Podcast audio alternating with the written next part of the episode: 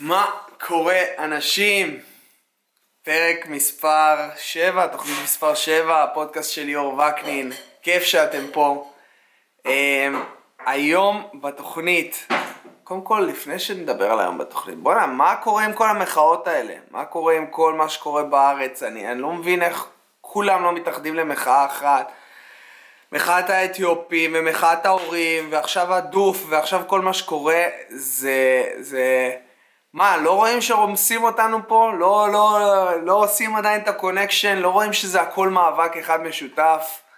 זה משהו שצריך לתפוס את הציבור, לנער אותו ולהבין, הלו, הלו, זה החיים שלנו, זה החיים שלנו ואנחנו רוצים חופש, רוצים בטיחות, רוצים חברה צודקת, רוצים דברים בסיסיים, מה אנחנו רוצים סך הכל? אבל אה, טוב, אנחנו עוד ניגע, ניגע בכל הדברים האלה. היום בתוכנית אורח שאני מסתכל עליו כמו איזושהי דמות אבאית במידה מסוימת, בטח בכל הקשור למאבק צודק, לאפליה וקיפוח וגזענות של הממסד ושל אה, רשויות ושל השלטון ושל כל הדבר הזה שנקרא מדינת ישראל כלפי המזרחים. קוראים לו רון כחלילי, הוא במאי, עיתונאי, תסריטאי, עורך, מפיק ישראלי. והסיבה שאני כל כך מתחבר אליו היא כי הוא יודע לדבר את שתי השפות. הוא יודע מצד אחד לבוא ולדבר איתך בשפה שאני לפחות מכיר מהשכונה ומהבית ו...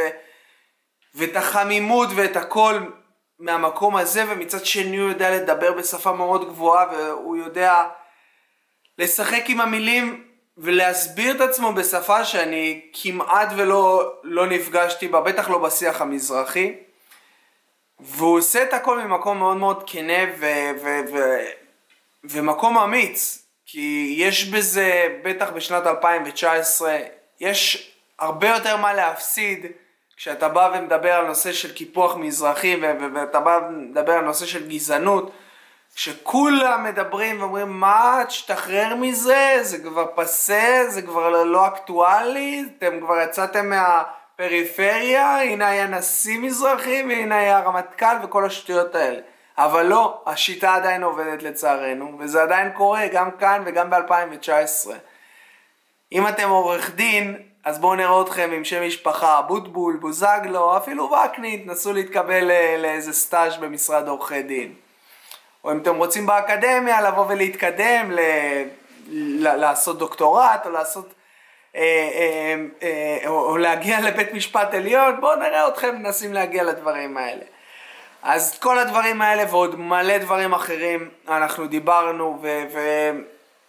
דיברנו על, על, כמעט שעת, מה זה כמעט? למעלה משעתיים, זו שיחה מאוד ארוכה, אמ, אבל מעניינת. אני, אני רציתי פשוט לשאול כל כך הרבה שאלות ולהבין את התפיסה שלו לגבי כל הדברים האלה, בין אם זה ביבי ובין אם זה אה, מרץ ותנועות השמאל שמתעלמות או לא באמת שמאל אמיתי כמו שאני קורא להם. ועוד מיליון ואחד נושאים. אז אני מקווה מאוד שאתם הולכים ליהנות מהתוכנית הקרובה ומהפרק הקרוב.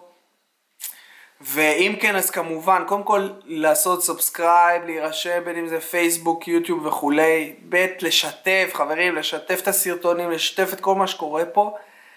ודבר אחרון, הלו, אנשים, תתרמו, תעזרו לפרויקט הזה לקרות. קדימה, כל תרומה עוזרת. one dollar a month, that's all it takes.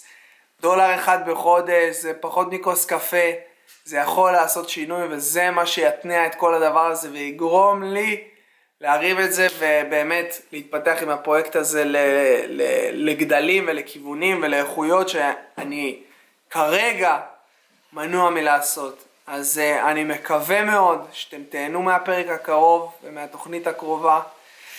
ועכשיו בואו תקבלו אותו. רון כחלילי. תהנו.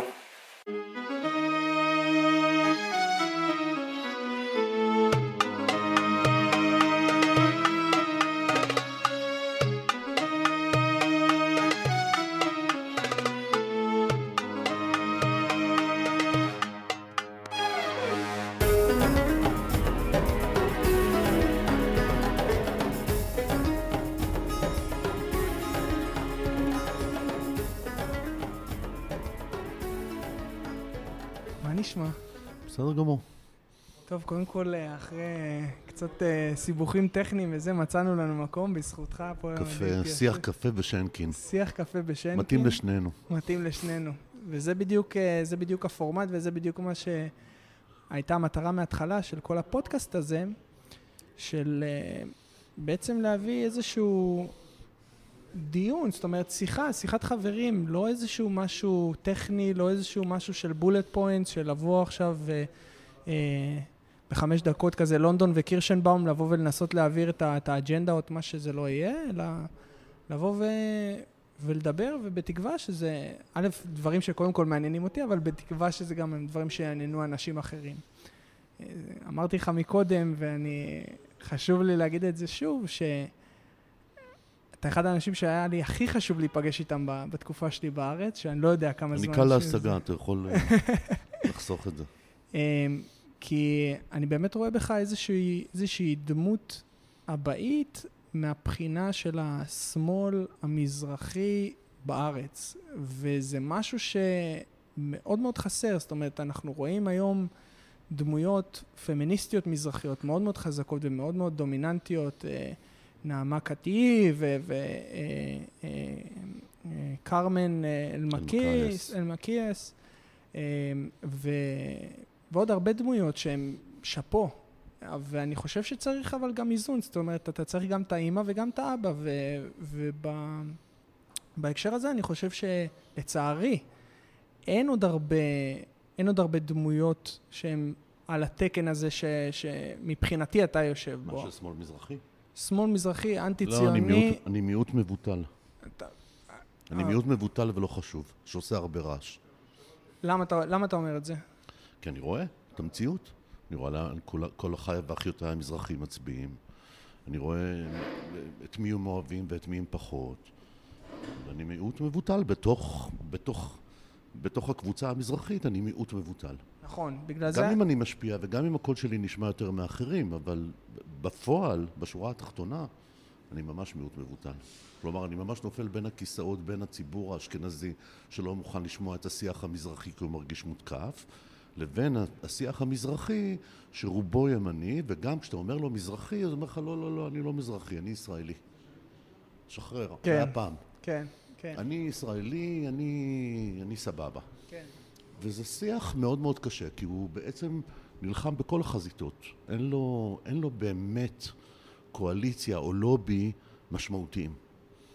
הוא, יש לו כמה מוקדי כוח, בעיקר ברשתות החברתיות, מעט, אולי אחד או שניים בתקשורת הישנה, במדיה הישנה, אבל בסופו של דבר הוא קול של מיעוט מבוטל בתוך מיעוט. כן, אתה יודע, אני... אחד הדברים, הגעתי לפה... תראה, אפילו השמאל, השמאל, הישראלי, הציוני והלא ציוני, לא סופר את המזרחים. אה, זה, זה, זה, מרץ, זה, עבודה, בדיוק, זה בדיוק מה... הרשימה המשותפת, על כל פלגיה ופלחיה. אף אחד לא סופר את המזרחים, זה, זה לא מעניין שאני, אותם. זה בדיוק מה שבאתי להגיד, שהייתי לפני איזה שבוע וחצי, היה איזשהו כנס פעילים של חד"ש. הלכתי, אה, זה היה פה ב, אה, באחד העם, אני חושב, הלכתי לכנס לראות במה דברים אמורים, מגיע לכנס, ו... מאה אחוז אשכנזים, וגם אם יש שם מישהו שהוא מזרחי כביכול, אתה יודע שסבא משתכנז. שלו, בדיוק, אז, אז האג'נדה היא האג'נדה הזה. ולי זה מאוד הפריע, א', שהכנס נעשה ב... בעיר הלבנה כביכול, כי אני חושב שחד"ש, או, או התנועות הסוציאליסטיות האלה... אתה רואה כנס כזה מתרחש בקריית גת? אני חושב שהוא צריך להתרחש בשכונת התקווה. בשכונת התקווה. בוא נלך הארדקור, קריית גת. חד"ש רוצה לעשות כנס בקריית גת. מישהו מהמזרחים של קריית גת יגיע? אז זהו, שהקטע הוא... תענה קודם. בנקודת זמן הנוכחית לא. לא יגיעו. זה כבר 30 שנה הם לא יגיעו. אבל... לא, שלא להגיד אולי 70 שנה. לא יודע. אבל בשלושים, בארבעים שנה האחרונות, מאז המהפך, בוודאי ובוודאי שמזרחים לא מגיעים לכל, לכל מה שמזוהה שמאל-מרכז. לא מגיעים. היה פעם מקרה של רן כהן, חבר כנסת רן כהן. הוא התמודד לראשות מרצ מול יוסי ביילין. ברור לגמרי מה כל אחד מהם מייצג, אוקיי? נכון? הבלייזראים של אה, שמעון פרס מול האנדרדוגים של, של, של השמאל הציוני. אמר אה, אה, יוסי בני, תשמעו, אנחנו לא צריכים ללכת למחוזות שלא שלנו, בואו נלך למקום הטבעי ונמקסם את, ה, את מה שאנחנו צריכים, את הכוח שלנו. הלך לרמת אביב ולרעננה ולכפר סבא ולתל אביב כמובן וכולי וכולי, כל המקומות, כל מה שנקרא הארדקור מרכז. אוקיי? לא חדרה גדרה, הארדקור מרכז. לעומתו אמר אה, רן כהן, שגילה את מזרחיותו, שנים הוא היה משתכנס, קיבוצניק כזה וזה. אמר, אני הולך, אני מקים סניף, אני חושב, אני לא זוכר אם זה בקריית מלאכי או בקריית גת. מקים סניף. אני הולך לקראת הבחירות להביא את המזרחים חזרה הביתה. כי המזרחים בראשית ימי המדינה, בבחירות הראשונות של 59 ואחרי, מצביעים במספרים מטורפים של למעלה מ-80 אחוז למפלגות שמאל. מפא"י ולווייניה. בכוח, לא בכוח, זה כבר שאלה אחרת. אבל הם מצביעים שמאל. במהלך ה-70 שנה, או במהלך ה-29 שנים, עד המהפך של 77, הם בעצם עוברים לימין. ולאט לאט הם עוברים סוציאליזציה של הימין, הם גם מקבלים את הערכים שלו, הם גם מבינים שהם על תנאי בתוך הימין. אתה מבין? זאת אומרת, הם חייבים, האתנן שלהם, התשלום שלהם למפלגת הימין, לליכוד שקיבל אותם ונתן להם ייצוג, בלה בלה בלה, למרות שזה קשקוש, נתן להם ייצוג וכולי וכולי, האתנן שלהם הוא נאמנות ללא גבולות. אתה אומר כך, יום היום, עכשיו לילה, לילה. אתה אומר, מחר לא תזרח השמש? לא תזרח. זו, זה האתנן שהם משלמים לריבון שבעצם קיבל אותם אחרי ש-29 שנים הם היו דחויים על ידי השמאל שעשה להם את כל מה שאנחנו יודעים שהוא עשה להם וניתן עוד פעם לחזור על זה ולדוש בזה. כן, אתה כן. אתה מבין עכשיו? הלך לקריית גת או לקריית מלאכי ועבד מסכן, והאנשים, וכל האשכנזים שלו דפקו על הדלתות, ובואו בבקשה, וזה, ואנחנו למענכם. תשמע, שמאל זה תנועה בשביל מזרחים. שמאל... על פניו כן. מה, מה, מהבסיס שלה היא תנועה לדפוקים. היא אומרת לדפוקים, בואו אני נותנת לכם שוויון, בואו אני נותנת לכם בעצם את ההזדמנות ליישר קו. השמאל נולד בשביל הדחויים. ברור. והנה הדחויים פה, השמאל הופך להיות איזה משהו בורגני, חילוני, מרכז, מרכז תל אביב, אה, מעמד סוציו-אקונומי בינוני וגבוה, אה, השכלה מגבוהה ומעלה. הוא פתאום הופך להיות, אתה יודע, משמאל אמיתי של שוויון ורדיקליות וללכת לרחובות ולהבעיר לפידים, הוא הופך לאיזה משמאל מנומס בסלון, יושב יוסי שריד ושולמית אלוני ומדברים על זכויות אדם כמו באמריקה וכמו באירופה. והוא מגיע לשם, והוא בעצם, כאילו, הפעולה שלו מאוד, מאוד פשוטה. ברגע שהוא אומר להם, לעמרם מקריית גת, אומר לו, כפרה עליך, זה, זה בשבילך, אני פה, אני כמוך. ברגע שהוא אומר לו את הדבר הזה, הוא שער שעמרם יקום ויבוא ויצעד אחריו, אתה יודע, חלילה, חלילה מהמלין כזה. ועמרם נשאר בבית, הוא אפילו לא פתח את הדלת. באותן בחירות, לדעתי, המיתולוגיה מספרת על משהו כמו עשרה קולות בתוך קריית גת אחרי ששנה הוא עובד שם, או מספר חודשים לפחות, הוא עובד שם. הוא, הוא מזיז את מרכז הכוח שלו, את מרכז הכובד שלו מהמרכז אל הפריפריה, כדי להביא את הפריפריה לכאורה למקום הטבעי שלה, ואוכל אוכל מכה. תראה, אתה לא יכול, אבל אם, אם נחשוב על זה בצורה הגיונית, אתה לא יכול, ו- וזה, אתה יודע, הפוליטיקאים אלופים, לבוא רגע לפני בחירות ראשונות, ולבוא ול, ולחשוב, אני יכול עכשיו לסחוף קול שלם של, של, של, אתה- של, אני- של קבוצה נכון. שבמשך תקופה כל כך ארוכה איבדה אמון במערכת, איבדה אמון בשמאל בצורה הכי מוחלטת שיש, ולבוא ולצפות שבגלל שאתה עכשיו על תקן המזרחי, אני, אני אבוא ואצביע לך. אני נכון. חושב שאם בן אדם כזה מה דווקא גם שזה לא אחרי- מזרחיות אמיצה. אני חושב שדווקא בן אדם כזה, אם אחרי בחירות שהוא מפסיד, ממשיך ללכת לשם, ממשיך להיות, לא ממשיך, ממשיך לא להיות, עובד. מה זה לא עובד? לא עובד, זה לא, קור- לא קרה. לא קורה, קרה, לא קרה. לא קרה ולא יקרה. כן. למה? לא, אולי יקרה. אתה יודע, מתישהו מישהו יתעורר. יש איזה פעיל חברתי במרץ, שהתמודד אפילו על ראשות מרץ לדעתי, אבי דבוש. כן. שהוא כזה מהדרום, והוא הקים קואליציות וזה, והולך וכאילו טוען שזה צריך לקום מלמטה ולא מלמעלה. כל התנועה הזאת. תשמע, זה יכול לקרות. מתישהו זה חייב יהיה לקרות. אני לא יודע אם בהנהגת אבי דבוש, הוא בכל זאת כאילו מבחינת הייצוג שלו, הוא לא אינטגרלי לדבר הזה. אני, זו שאלה נורא נורא גדולה, אבל אתה צודק בזה ש... תראה, הצבעה, כשאתה מצביע למישהו, אתה לא מצביע רק אג'נדה. אתה מצביע בית. מי הבית שלי? איפה, איפה, אני, איפה, אני, איפה אני מרגיש נוח ואני מרים את הרגליים ואני שותה את הקפה בלגימה כזה, אתה יודע, כמו שאני רגיל לשתות. איפה אני עושה את זה? מי נותן לי את האופציה הזאת, גם אם הוא כיום דורס בארץ אותי? רק- גם רק אם הימין. הוא דורס אותי בדיעבד. רק הליכוד כיום. כיום בארץ רק הליכוד. לא נעים להגיד. עכשיו, מירי מדובר- רגב, מדובר, מבחינת... מצד שני, מצד שני, מדובר במפלגה הכי לבנה שיש פה, הליכוד. מפלגה הכי קפיטליסטית. קפיטליזם אמנם קפיטליזם? נתן סיכוי גדול להמון מזרחים שהיו מאחורה לפני שהוא פרץ, לפני 77, אבל הקפיטליזם, כשהוא הופך לה- להיפר קפיטליזם או לקפיטליזם חזירי, הוא כבר מסוכן למזרחים. כי מה הוא עושה? הוא מפרק את המזרחים. מאיזו בחינה? היכולת של המזרחים, ברגע שאתה הופך את המזרחים לכוח פוליטי, המזרחים מתחילים לקבל דיבידנדים. ברגע שהמזרחים מפוזרים בין כל המפלגות, ואתה לא מבין בדיוק אם הם ככה או ככה או ככה או ככה, הרבה יותר קל לך לשלוט בהם. וההישגים שלהם הופכים להיות מאוד מאוד דלים. מה עושה בנימין נתניהו? הוא עושה הפרד- ומשול. הוא אומר, אוקיי, דרום.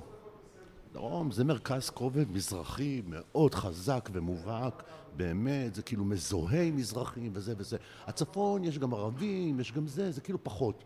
שם יש בשוליים אמנם בדואים, אבל בפועל מדובר באמת במרכז הכובד של עיירות הפיתוח והשכונות המזרחיות והמדבר וכל הדבר הזה, ובתי ספר מקצועיים וכל מיני כאלה.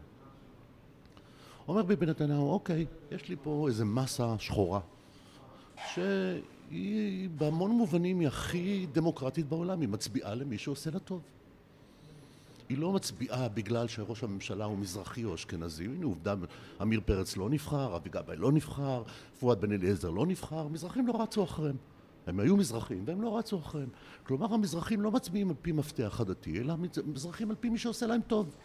וביבי נתניהו, למרות כל הדברים שאנחנו מדברים עליהם, ולמרות הפערים הבלתי נסבלים בין אשכנזים לבין מזרחים, או בין פריפריה לבין מרכז, עדיין עושה להם טוב, אבל הוא עושה טוב לחלקם.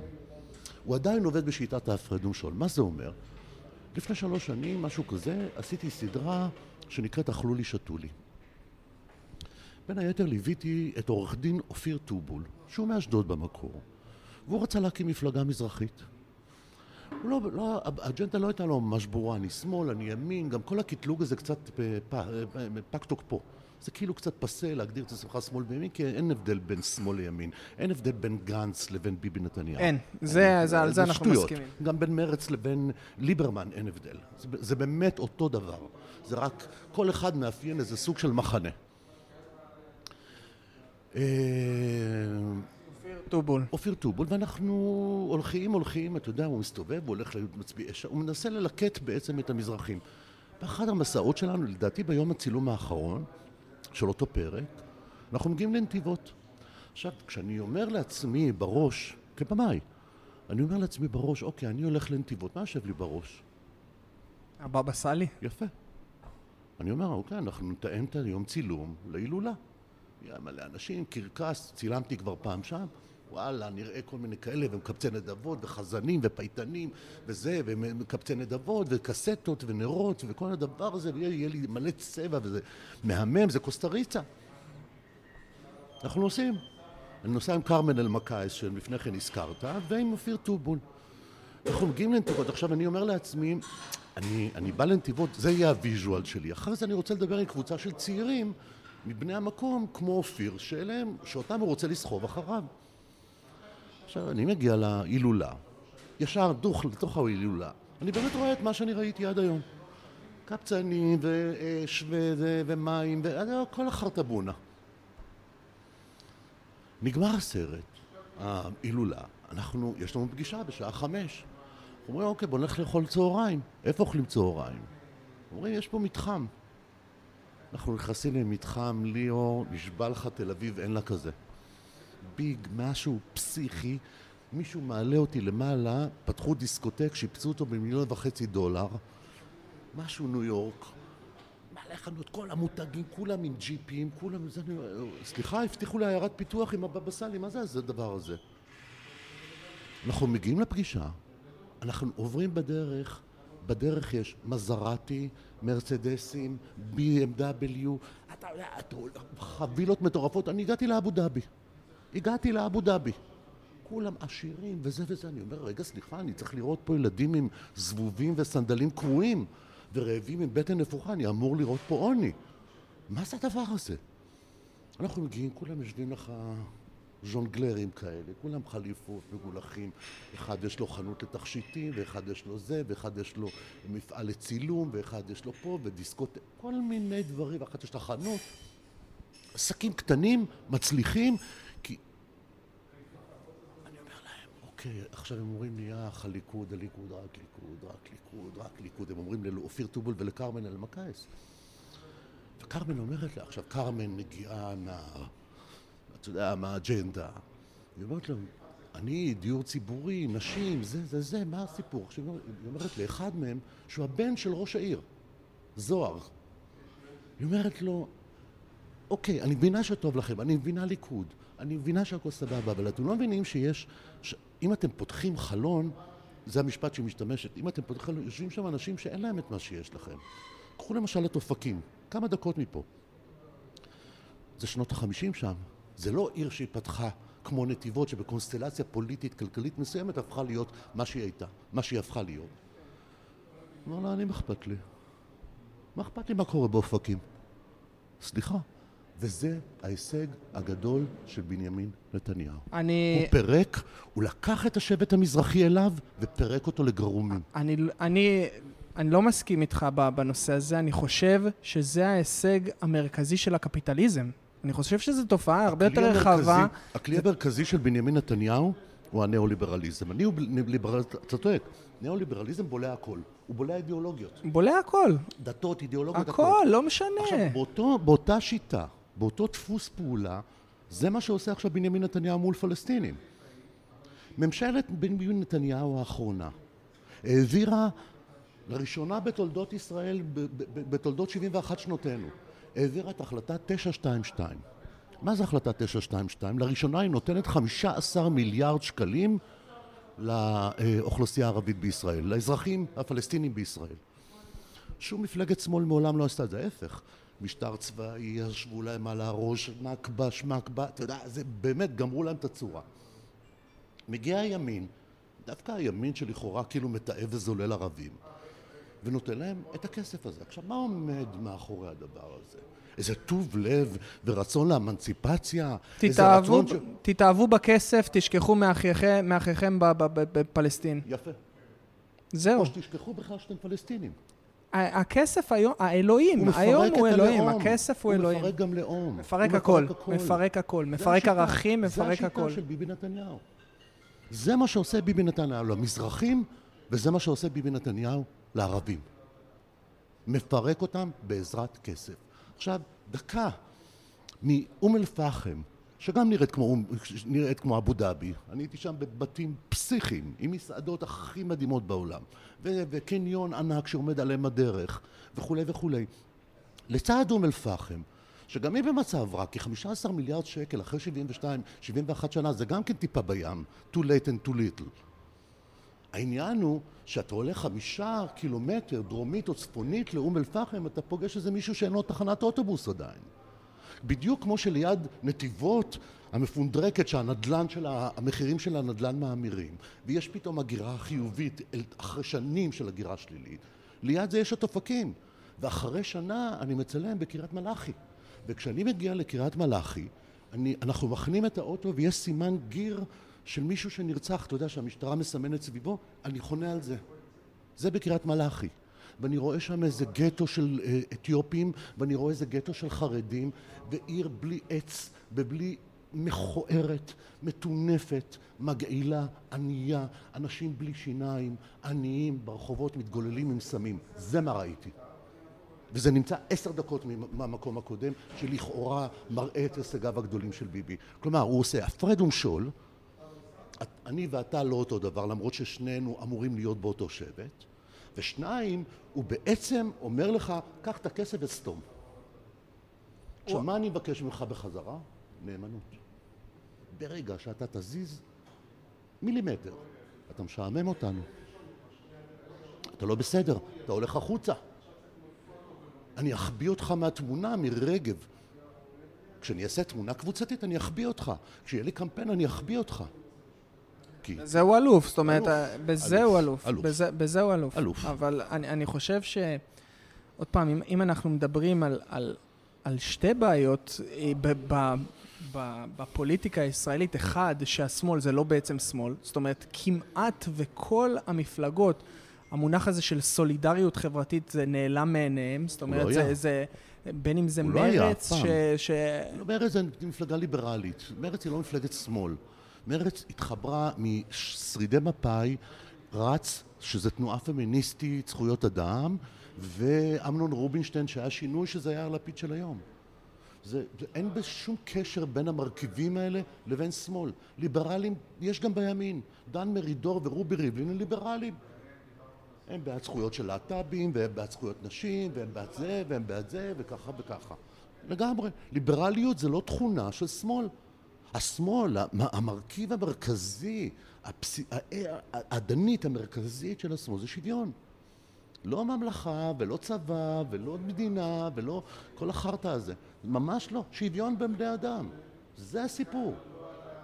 עכשיו, זה לא ייתכן שכל... א', תראה, בעובדה שאין שמאל, אתה כאילו מייצר מראית עין שיש שמאל. אומרת לך זהב, אה, זהבה גלאון ותמר זנדברג, אנחנו השמאל. יושבות להם עם העגילים המעוצבים שכל עגיל עולה עשרת אלפים שקל, סתם אני אומר, כאילו, יושבים להם כולה, אתה יודע, מפתח תקווה ומתל אביב, הכי מדושנות והכי הכי בצד הנכון של, ה, של הפרוסת הלחם. ואומרות לך שבעצם אנחנו השמאל האמיתי. מה הן אומרות בעצם? קודם כל, אם אני מסתכל עליהם, אני אומר, לי אני, ואין לי שום קשר אליהם. אני לא בא. אין לי שום קשר אני, אליהם. אני לא בא. אם זה השמאל, אני לא בא. זה לא קשור לא אליי. לא קשור אליי. הם לא מדברים את השפה שלי, הם לא, לא מכירים את המנהגים ממש שלי. לא, ממש הם... לא, ההפך, יותר מזה. הם חושבים שהשפה שלך עילגת, והמנהגים שלך זה להשתטח על קברים ול... ומזוזות. הם, הם, הם, הזלזול שלהם ביחס, ב, ב, ב, ב, הזלזול שלהם אל התרבות שלך ועל המהות שלך, הוא ברור כשמש, אני, הם יכולים לעשות ולהביא איזה נציג מאיזה פריפריה ולהגיד הנה השתפרנו ותראו אנחנו עושים וגם במצע שלנו בסעיף 23 ג' תמצאו איזה סעיף למען מזרחים. אנחנו לא... אנחנו סבבה. למדנו לקח. עשינו כנס בבית ברל ולמדנו לקח. קשקוש. העובדה, עכשיו יש משמעות עצומה לא רק לאג'נדה אלא גם לייצוג מאוד קשה. עכשיו תשמע, המזרחים הם נורא נורא חכמים. כי המזרחים רוצים את שני הדברים האלה. הם רוצים גם אג'נדה מזרחית, שמדברת עליהם ועל הכסף שלהם, ואני אקדם אותך, ואני אעשה לך כביש, ואני אעשה לך תחנת אוטובוס, ואני אביא לך, אני אסגור את הבית ספר מקצועי ואני אפתח עיוני. הם, הם רוצים את הדיבור הזה. מצד שני הם רוצים גם את המזרחיות. אם אין את הקומבינה הזאת, הם לא מצביעים. עמיר פרץ עמד בראשות מפלגת העבודה, כלב מזרחי לא הצביע לו. פואד בן אליעזר עמד בראש מפלגת העבודה, מזרחים לא הגיעו. כי אתה לא יכול להביא קוף, אתה לא יכול להביא אבל קוף, אתה לא יכול להביא קוף ולצפות שהעם לא ירד. העם לא מטומטם. לא קופים. אל תגזר, לא, אל תלך רחוק. אני, כשאני, כשאני אומר קוף, אני אומר, אתה יודע, שאתה שם מישהו בעמדה...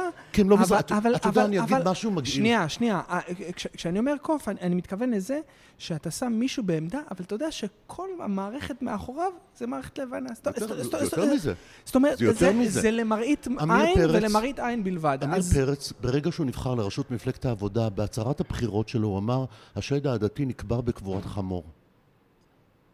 זו ההצהרה הראשונה של עמיר פרץ שהוא נבחר. יענו כל השדרות ופריפריה ומנהיג הפועלים ואני אעמוד על ארגז תנובה עם מגפון ואני אגיד לכם אורו אחי המדוכאים וזה, הכל קשקשת.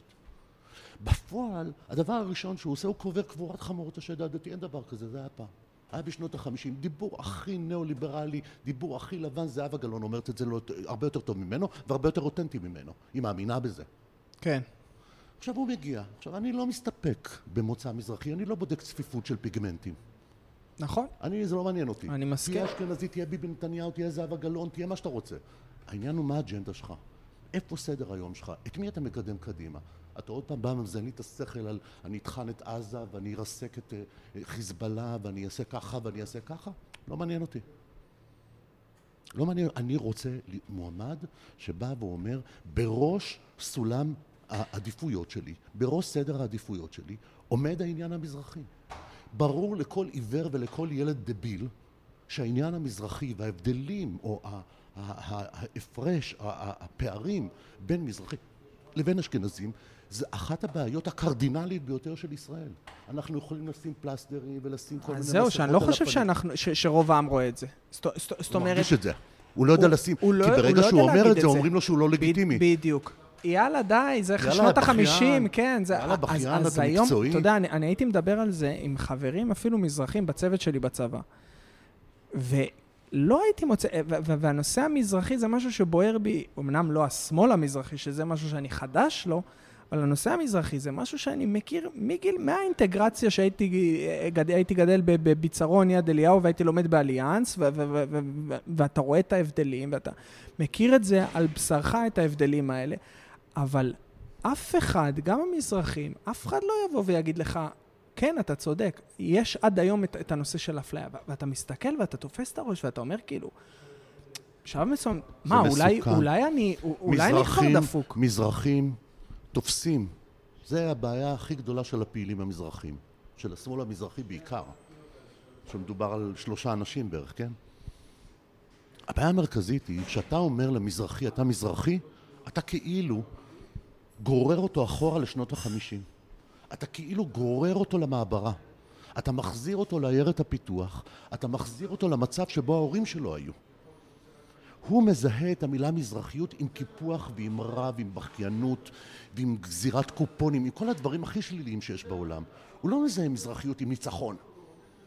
הוא לא מזהה מזרחיות, אני הפרחתי את הנגב כמו סרבק, אני עשיתי פה מה שאף ציוני לא עשה. אני לקחתי עיירת פיתוח עלובה שתקעו אותה באמצע המדבר והפכתי אותה לזהב. שכל האזור, כולל הבדואים, כולל הערבים, מהלך הכי של שלום, הבאתי אותו פנימה, הבאתי את כולם פנימה לתוך נתיבות. אני לקחתי את יוקנעם, שישבה ליד, ליד המושבה הלבנה שהתעמרה בה, הפכתי את יוקנעם לעמק הסיליקון. שמתי את כביש 6 לידה. זאת אומרת, אני, אני עשיתי כמה דברים. המזרחי לא מזהה את ההצלחות עם המילה מזרחי. הוא מזהה רק את הבכיינות והכישלונות ואת הקורבנות. לקחו אותי, עשו אותי, זרקו אותי במדבר, רשמו אותי לבית ספר מקצועי. הוא מזהה את המילה מזרחיות הפכה להיות מילה מלוכלכת. אני לא רוצה להיות מזרחי. ואז כל מזרחי צעיר שאתה פוגש, הוא אומר לך לא, לא, לא, לא, אני ישראלי. עכשיו, הוא נוסע באוטו, פול ווליום עומר אדם ואייל גולן, הוא הולך עושה מנגל ביום העצמאות, זאת ההוויה שלו, זאת התרבות שלו, הוא לבוש כמו מזרחי, הוא מדבר כמו מזרחי, הוא נראה כמו מזרחי, אתה אומר לו אתה מזרחי, הוא אומר לך לא, אני ישראלי. ויותר מזה, ברגע שאתה אומר לו אתה מזרחי, אתה, אתה הופך להיות האויב שלו, כי אתה בעצם גורר אותו חזרה, אתה עושה לו רגרסיה כאילו, אתה גורר אותו חזרה לעבר, והעבר לא טוב. עכשיו, הוא גם יודע בחושים הבריאים שלו שהוא תלוי על חוט. ברגע שהוא יבוא ויגיד כן, אני מזרחי וזה, הוא עף קדימה, הוא חוזר למצב של אבא שלו.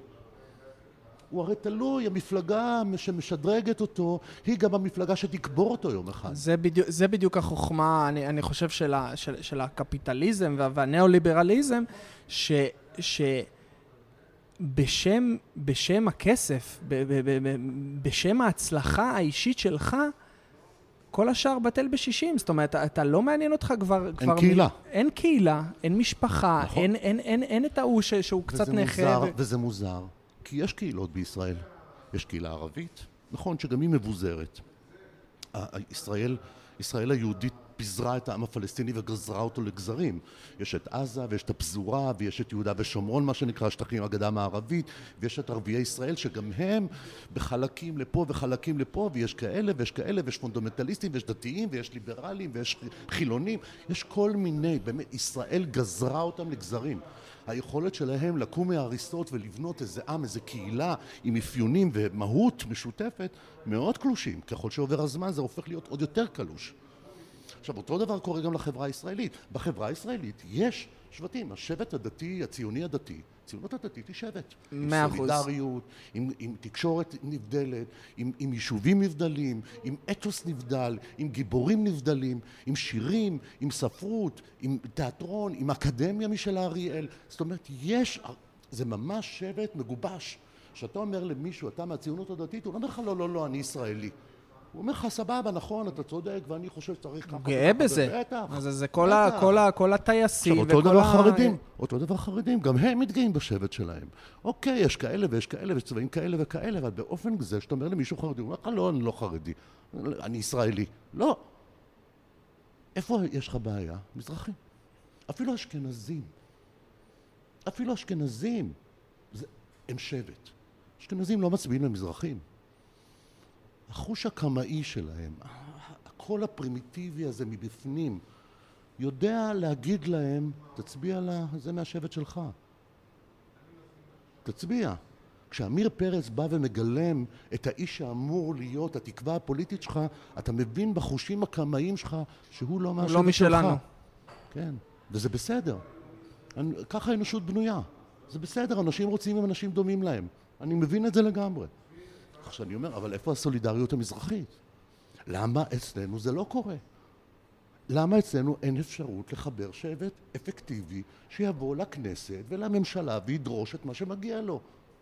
במקום לשבת ולהתחנן על הפתחים וללכת לעבודה וללכת למרץ וללכת לליכוד ולהתחנן ולקבל גם את הדימוי של האיש הרע, ראה מירי רגב שהפכה למפלצת תוך שלוש דקות מהרגע שהיא אמרה את המילה מזרחי. שלוש דקות. אבל. אבל את המזרחי זה לא מעניין. הם יכולים להגיד מה שהם רוצים על מירי רגב. המזרחי לא מעניין מה. מה, ש, מה שהתקשורת תגיד על מירי רגב. מבחינתו, מבחינת, אני אומר לך, מבחינת האנשים שאני מכיר, נכון. משפחה, אימא ששרופה עליה. שרופה עליה. למה? כי היא פועלת למען... למען המזרחי, ואני שמעתי אותך אומר את זה אומרת. את זה. ב... לא, אני שמעתי אותך אומר באחד הראיונות על הקטע שאני מסכים עם מירי רגב רק בנושא של התרבות, נכון. ו- ו- ואת בשאר כל לא. השאר אני, אני מבטל אותה. נכון. אבל גם המעט הזה שהיא עושה בתרבות, ואת כל ה... את... מוכנים לספוג את כל מסכים. החרא האחר, מסכים. העיקר שהיא תעשה. נכון. העיקר שהיא תעשה. נכון, אבל, תשמע, לכן אולי אני חושב שגם בסקרים אף פעם לא מזהים באמת את נהמת הלב של, של, של המזרחים. תראה, שים לב שכל הסוקרים וכל הסקרים במערכות בחירות כבר הרבה, לא מבינים לאן ש"ס הולכת. הם לא זיהו שש"ס הגיע ל-17 מנדטים, והם גם לא זיהו הפעם, הם היו משוכנעים שש"ס היא על גבול אחוז החסימה. ש"ס עברה עם שמונה מנדטים. היא, המפ... היא מפלגה גדולה. בסדר, היא רחוקה מהשיא ההוא של 17 מנדטים, היא עדיין מפלגה משמעותית. היא יותר מליברמן שמחזיק את הממשלה בביצים. הסוקרים והאולד מדיה, התקשורת הישנה, לא יודעים לדבר על המזרחי. הם לא מגיעים אל המזרחי. אני כותב בעיתון הארץ, אני כותב, מפרסם שם מאמרים. אני מגיע, אני כל שבוע נמצא בעיירת פיתוח או שכונה אחרת מזרחית, אני מרצה פעם בשבוע, בלה בלה בלה, נפגש עם אנשים. הם לא ראו את זה בחיים. הם לא ראו את זה.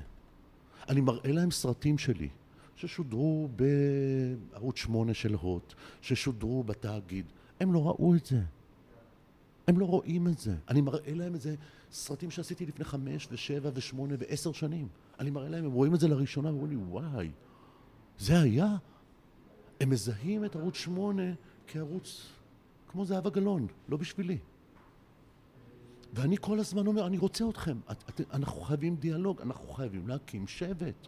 אנחנו לא נהיה אפקטיביים ולא נשפר, לא נצמצם את הפערים בינינו לבין אדוני הארץ, אם לא נתאחד ונדרוש את זה כמו שצריך באופן הדמוקרטי. עכשיו אתם, כפרה עליכם, אחיי המזרחים ואחיותיי המזרחיות, אתם הכי דמוקרטים שיש. אתם יתומים פוליטיים, אין לכם שום מפלגה, אתם מצביעים תמיד, גם אם הוא אשכנזי, למי שהכי טוב לכם. זה מה אתם עושים. בעיניי זה המהות של הדמוקרטיה. יכול לשבת הלבן, לשבת אליהם ולהגיד אתם מתנהגים כמו אישה מוכה ואתם מצביעים למי שלא זה וככה וככה וזה וזה ואתם לא רציונליים ואנחנו כן ואתם לא אידיאולוגים ואנחנו כן וכל, זה הכל חרטבונה. השבט הדמוקרטי הגדול ביותר בישראל והמשמעותי ביותר בישראל הוא הציבור המזרחי שמזוהה עם פשיזם ושמזוהה עם הדתה ושמזוהה עם מוות לערבים וכל דבר הזה. השבט הזה הוא התקווה. חושב, אני חושב שה, שהתקווה, אפרופו, וזה למה הס, הסיבה שהלכתי ל, ל, לחדש, אני יודע שהיום זה, זה כל כך רחוק מהמציאות הישראלית, אבל התקווה היא חיבור ערבי-מזרחי. זאת אומרת, אני, אני חושב שהקרבה היא הרבה יותר, הרבה יותר קרוב, מנטלית, תרבותית, הכל, ללכת על חיבור סולידרי, מזרחי, ערבי, מאשר אה, אשכנזי, אשכנזי שמאל ו... תראה, יש שתי בעיות בדבר הזה. אני מסכים איתך, קודם כל בוא נתחיל בזה שאני מסכים איתך. הפתרון של ישראל, אם תרצה, אוקיי? זה בחיבור המזרחי-פלסטיני. ברגע שהרוב המזרחי יתחבר לרוב הפלסטיני, אנחנו גמרנו את הסיפור. יש פה השתלבות במרחב, יש פה תרבות יהודית ערבית שחוזרת, מחזירים עטרה ליושנה. יש פה שפה יהודית ערבית, השפה שהסבים והסבתות, אה, אתה יודע, רבא רבא רבא דיברו בה. כאילו אני מרגיש שכמזרחי תראה, הרבה פעמים מנסים לרדד, לעשות איזו רדוקציה כאילו למזרחיות, ואומרים, אוקיי, מזרחיות זה סיסול, ומזרחיות זה מלאווח, ומזרחיות זה אה, צעד תימני, ומזרחיות זה ערבסקה, ומזרחיות זה לא יודע מה, כל מיני כאלה. יש איזה רידוד ופולקלוריזציה של המושג הזה, מזרחי, ואני לא, לא שם. יש המון מהמוזיקה המזרחית שאני לא סובל וזה לא מדבר אליי וזה עובר לי ליד האוזן. יש המון אלמנטים וסגמנטים מתוך התרבות המזרחית שממש לא מדברים אליי בטח באדפטציה שלהם הישראלית שהיא כזאת שעטנזית ומפה ומשם וזה לא ממש מגובש וכזה. אני מזרחי פוליטי. זה מה אני. אני מזרחי פוליטי. אני חושב שהמזרחיות היא בשורה פוליטית. היא לא פולקלור, היא לא מצעד המזמונים. תסביר את זה. היסטוריה. במאה השביעית כובש מוחמד, הנביא מוחמד, כובש את המרחב. מגיע עד ספרד שהופכת להיות מוסלמית. הוא כובש גם, במסגרת המסעות האלה, גם את הקהילות היהודיות שפזורות במרחב, אוקיי? שעוברות עכשיו איזשהו תהליך. הם עכשיו תחת שלטון, שלטון מוסלמי, שבתקופות מסוימות הוא אנטי-יהודי ובתקופות מסוימות הוא מסמן את היהודים, אבל ברוב הזמן הוא חי עם היהודים, כמו עם הנוצרים אגב. הוא חי עם היהודים והנוצרים וכל הקהילות המתבדלות האחרות שלא מאמינות באותו דת. להבדיל מהנצרות הוא לא מכריע, הוא לא עושה אינקוויזיציה ומכריח אותם להתנצר. הוא מאפשר לקהילות הדתיות האלטרנטיביות לחיות כמו שהן, עם תנאים. הם משלמים מס גולגולת, ויש כל מיני דברים ב-ups and downs כזה, זה לא איזה אידיליה. אממה, במהלך מאות השנים האלה נוצרת תרבות. תרבות יהודית ערבית. היהודים יודעים לחיות עם הערבים. הם יודעים, הם, הם מייצרים את המימונה, שזה חג יהודי מוסלמי. הם מייצרים שפה, הרמב"ם כותב ביהודית ערבית, יהודה הלוי בספרד כותב ביהודית ערבית. הם מגיעים למשרות הכי רמות שיש, שרי חוץ ורופאים בכירים של המלך ובלה בלה בלה. אתה יודע, הם מגיעים לדבר הזה. אני אומר, יש לנו את הזיכרון הגנטי הזה, בבשר שלי ושלך יש את הדבר הזה. על זה אני מתבסס על החיבור, כשאני אומר חיבור מזרחי-ערבי, זה, זה בדיוק על זה. אתה יודע, אני הגעתי לפני שחזרתי מארצות הברית, עברנו במרוקו. שבועיים במרוקו, וזה... ההורים שלך במרוקו? כן. אימא שלי הגיעה בח... בגיל חצי שנה, אבל, אבל אתה יודע, עשינו טיול כזה שורשים עם... מה הרגשת? בוא אני אספר לך סיפור, ו- וזה אני חושב התמצית של, של, של מה, ש- מה שקרה לנו ב-70 ב- שנה האלה. הגענו לרבי, אה, אני כבר לא זוכר איזה רבי, לעיר, עיר קטנה, אה, וורזזת. בסדר? מרכז יהודי גדול. אה, אה, אה, ומגיעים לעיר, ורואה אותנו איזשהו בחור, ואומר לנו, אתם יהודים? עכשיו, אני עם דוד שלי, הוא מדבר מרוקאית כמו שפת אם. מכניס אותנו, הוא ישר חשדן. לא, תיזהר פה, תיזהר פה, תיזהר... כאילו, אתה יודע, ככה. מכניס אותנו לחנות, מתחיל לדבר איתנו. והוא אומר, אני מאמין רק בשלום. אתם, אנחנו היינו פה אחים, אני יודע גם לאיזה רב הלכתם, כל הכבוד, תרצו, תבואו, עכשיו יום שישי, אנחנו עכשיו סוגרים את החנות כי אנחנו הולכים להתפלל אה, אה, תפילת שישי, אבל תרצו, תבואו, תזכרו, אנחנו כולן, אלוהים זה אחד, אתה יכול לקרוא לו ככה. ואני הכי התחברתי בעולם, ואני רואה את דוד שלי, אפילו כאילו לא עונה בערבית, כי הוא כאילו הוא מפחד שכאילו יעני, ש, שיעשו משהו. והוא שוכח שמזה באנו. זאת אומרת, הסבתא שלי מי שגידלה אותו או, את, ה- או את אחותי, זה היו העוזרות הערביות. והשטיפת מוח הזאתי השכיחה מאיתנו את העובדה הבסיסית שאנחנו לא רק שחיינו בהרמוניה, החיים שלנו היו שלובים יודע, בשנות ה... אחד בשני, אבל דוד שלי שחי פה כבר 50-60 שנה, אל, אין מה לסמוך עליהם, ואין... אני אומר כאילו, בואנה, איזה שטיפת מוח, זה בן אדם. אנחנו שוכחים שאנחנו מסתכלים על בני אדם, ואני לא יודע אם מהדור הזה, שגם שהוא גדל שמה,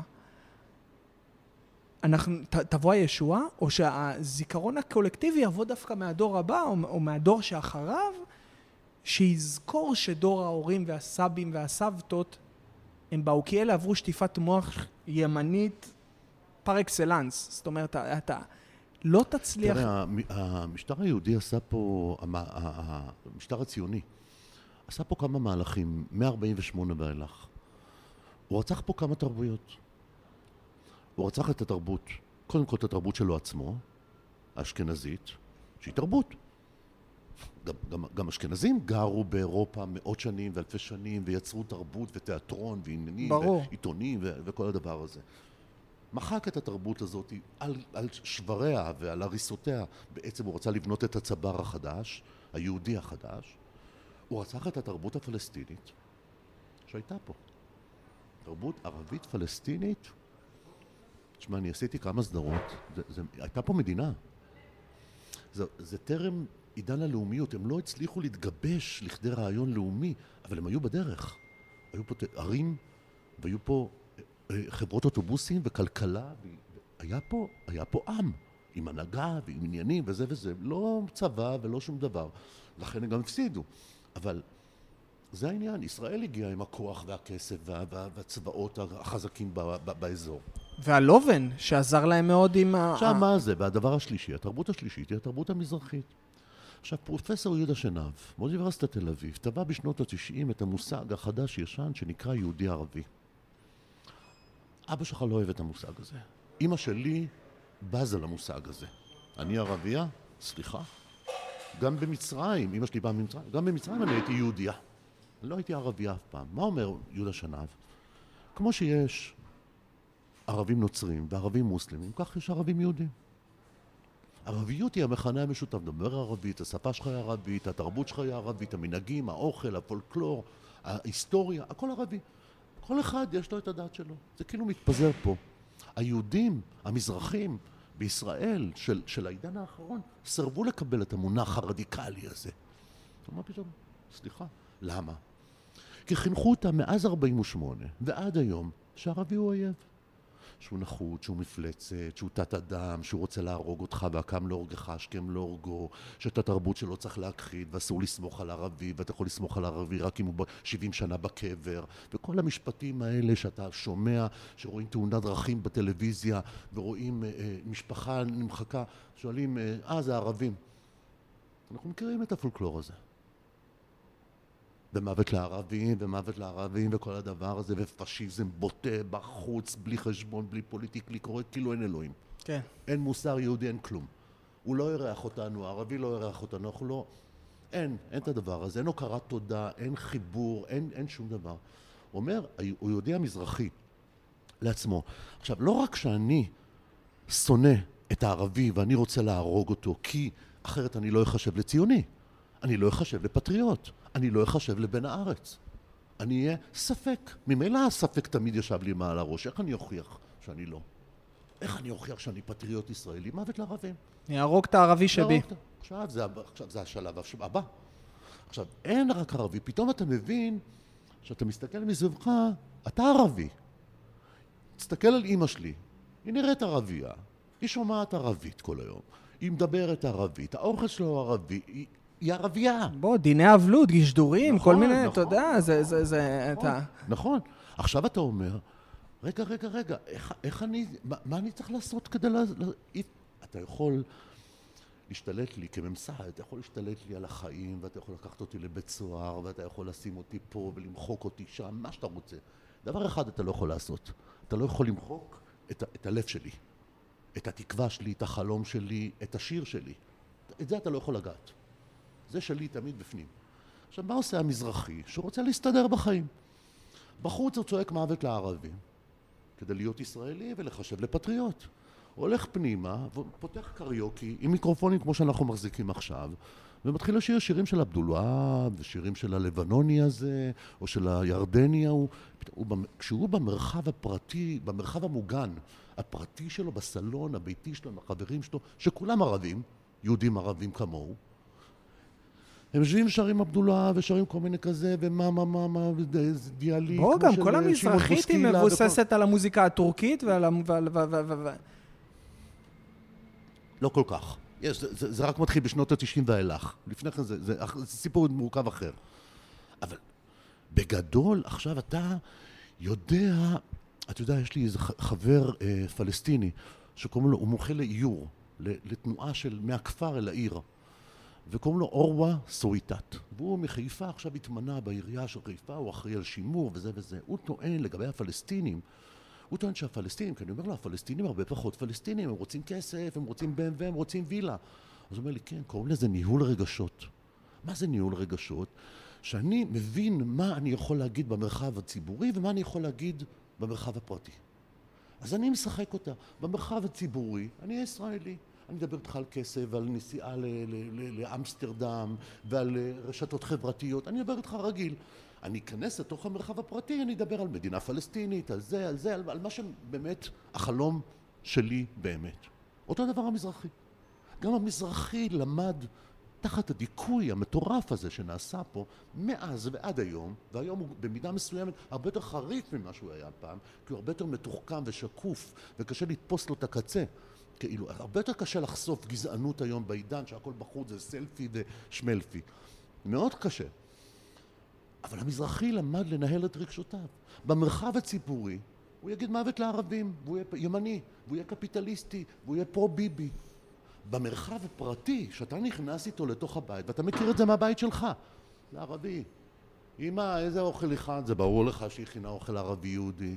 אמא, מה את לובשת לאירוע? ברור לך מה היא לובשת לאירוע. ברור שיש לנו כפתנים בבית. ברור, ברור, כן. ברור, ברור איזה מוזיקה אתם תשמעו, ואיזה שפה אתם תדברו, ואיזה סבתא, שפה תדברו עם הסבתא שלכם. זה ברור. כלומר, במרחב הפרטי, המזרחי למד לנהל את רגשותיו באופן כזה לא, שהמזרחיות או הערביות שבו לא תפגע בו. אני אהבתי מאוד את, ה, את התיאור הזה, ואני יכול לקחת את זה אפילו לעולם האישי שלי. זאת אומרת, בהייטק אני אדע לדבר איתך בפלפולים, ואני אדע ולהסביר לך את כל המונחים המקצועיים. דע את האויב. אבל אחת, אחת התובנות ואחת הסיבות שבגללם עזבתי את ניו יורק ויצאתי למסע הזה, כי הרגשתי שכמה שאני אשחק את המשחק ושאני אהיה עם ה... זה לא... זה לא התרבות שלי, זה לא... אני, לא ארגיש בנוח, זה לא אנשים שאני אלך, יושב איתם עכשיו לבירה. בן כמה אתה? בן כמה אתה? 32. אני חושב שב-32 אני כבר הרגשתי נוח. תשמע, הקול הלבן, אני קורא לו. כשאתה עובר תהליך של השתכנזות, מה זה בעצם? אתה בעצם מאפשר לקול הלבן, שהוא כאילו נגדך, לחלחל אליך פנימה ולהיות הקול שלך. זה לא מוחק את הקול המזרחי. שמחכה בתור, בצל, בחושך, הוא מחכה ליום שבו יבוא, ידפוק לך לדלת ויגיד רגע, רגע, גם אני פה. אבל הקול הלבן חודר אליך. ברגע שהקול הלבן חודר אליך פנימה, הוא כבר לא יוצא. אתה צריך ללמוד לחיות איתו. אני בן שישים. יש בי שני קולות. יש בי את הקול השחור, נניח, או החום, אוקיי? שמתעורר בגילאי השלושים כאלה, וששם אני מדבר כמוך, ויש את הקול הלבן, שעד היום אני, אני, אני כשאני מסתכל על אימא שלי, כשאני מסתכל על חלקים מהתרבות המזרחית, הרבה פעמים הקול הלבן מתעורר, ואני אומר, וואלה, זה לא שלי. אני יודע לעשות את זה. מצד שני, אני נהייתי כל כך אינסטרומנטלי, כל כך יודע לשחק בקולות האלה, שולט בהם, שאף אחד לא יכול לתפוס אותי בפינה. כי הרי תהליך ההשתכנזות, אתה יודע, תמיד לועגים לזה וזה, הוא תהליך נורא קשה. אתה בעצם משיל מעליך, לכאורה, משיל מעליך תרבות באופן הכי עמוק, עקירת שורש. מוציא את התרבות הזאת פנימה ומכניס סוג של חינוך מחדש. אתה מוחק בדרך את ההורים שלך, אתה מוחק בדרך את המשפחה שלך, אתה מודד את ההיסטוריה שלך, את התרבות שלך, את הטעם שלך, את הזיכרונות שלך, את הריח שאתה רגיל אליו. אתה פשוט מוחק. ואתה אומר, אוקיי, בן אדם רציונלי יכול להתרגש גם מדברים אחרים שהוא קונה. הוא קונה לעצמו, הוא בוחר. הוא מספיק סובינרי, הוא מספיק עצמאי, הוא מספיק חכם, אינטליגנטי, כדי לבחור את הדברים שמתאימים לו, לעולם החדש, הקפיטליסטי, שהתרבות יושבת על פס רחב, ו... וכל אחד יכול לקחת אותה וכולי וכולי. הטענה שלי, כשעשיתי את ים של דמעות בשנות התשעים, סדרה שמתעסקת במוזיק, בתולדות המוזיקה המזרחית, אומר שימי תבורי, שהיה באמת עד שנות התשעים האדם הכי נלעג ובזוי בתוך התרבות הישראלית. כולם לעגו לו, ואז חיכו אותו עם העיניים, והרעים, וכל... מטורף. ואני פתאום מביא אותו ואני מצלם אותו. הוא מגיש לך את הסודה. אני פתאום מצלם אותו.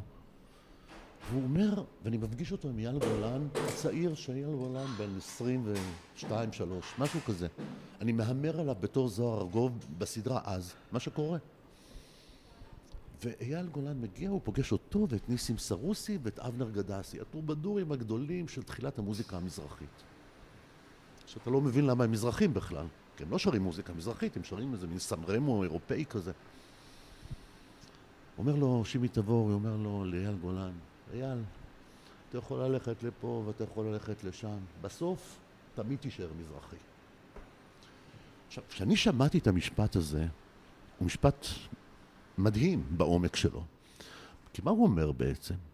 אתה יכול להעמיד פנים ולהשתכנז ולגדל שיער ארוך ולשים טבעות ולאהוב את uh, הקוקטו טווינס או את זה ואת הלהקה האלטרנטיבית הזאת וללכת ככה וללכת אחרת וזה וזה. בסוף, בסוף, בסוף, כשאתה מגיע להגמוניה, לקודש הקודשים, הם תמיד יזהו את הדבר הזה שנקרא מזרחי ואתה תשלם. לא רק שאני מסכים במאה אחוז, אחת הבעיות הכי קשות, אני חושב, בתור יזם הייטק, תחשוב על יזם הייטק מזרחי. שלא יהיה... הם זיהו אותך כמזרחי?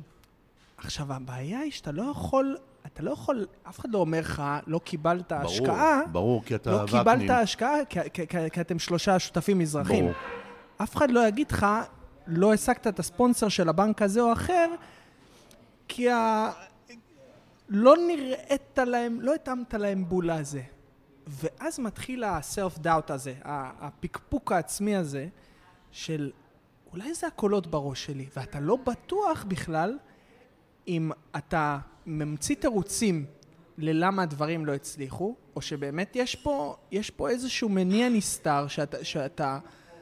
וזה אני חושב אחת, אחת הבעיות, ושמעתי מישהי אומרת על זה, מישהי שחורה דווקא, אומרת על זה משהו נפלא, היא אומרת, העובדה בכלל שיש לך את הפקפוק הזה, זה משהו שלאדם הלבן לעולם לא יהיה. זאת אומרת, אם עכשיו הוא נכשל, הוא יודע שהוא נכשל בגלל שהוא לא היה טוב. לא יהיה לו את, את, את, את השאלה האם בגלל המוצא שלי, האם בגלל איך שאני נראה, האם בגלל המזרחיות. למרות שב... שהטענה של האשכנזים החדשים בעשור האחרון היא טענה של הפוכה של אכלו לי שתו לי.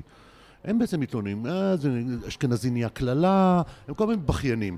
האמת היא שהבכיין המקצועי בתוך, בתוך סט השבטים הישראלי הוא האשכנזי. שכל הזמן בכיין, אה, והמזרחים ככה, והם רוצים, זה רוצה לתקוף אותי, והערבים, והחרדים, וזה, ואימא'לה, ואימא'לה, השבט הכי מתבדל, מסתגר ולאומני, הוא השבט האשכנזי. מה, למה ללכת סחור סחור? עזוב, אבל בסופו אני, של דבר... אתה יודע מתי אתה תשתחרר מהדבר הזה? שאתה תבין את העליונות התרבותית שלך בתוך המרחב הספציפי הזה, שאורי אבנרי, זיכרונו לברכה, קרא לו המרחב השמי. שאתה תבין שיש לך תפקיד פוליטי פה בתוך המשחק הזה, שיש לך תפקיד, התחלנו לדבר על זה לפני כן, אתה סוחב את הגנים הזה של, ה, של איך לחיות ב, ב, ב, במקום המשונה הזה, שעבור אשכנזים הוא מקום מורכב. הוא לא טבעי.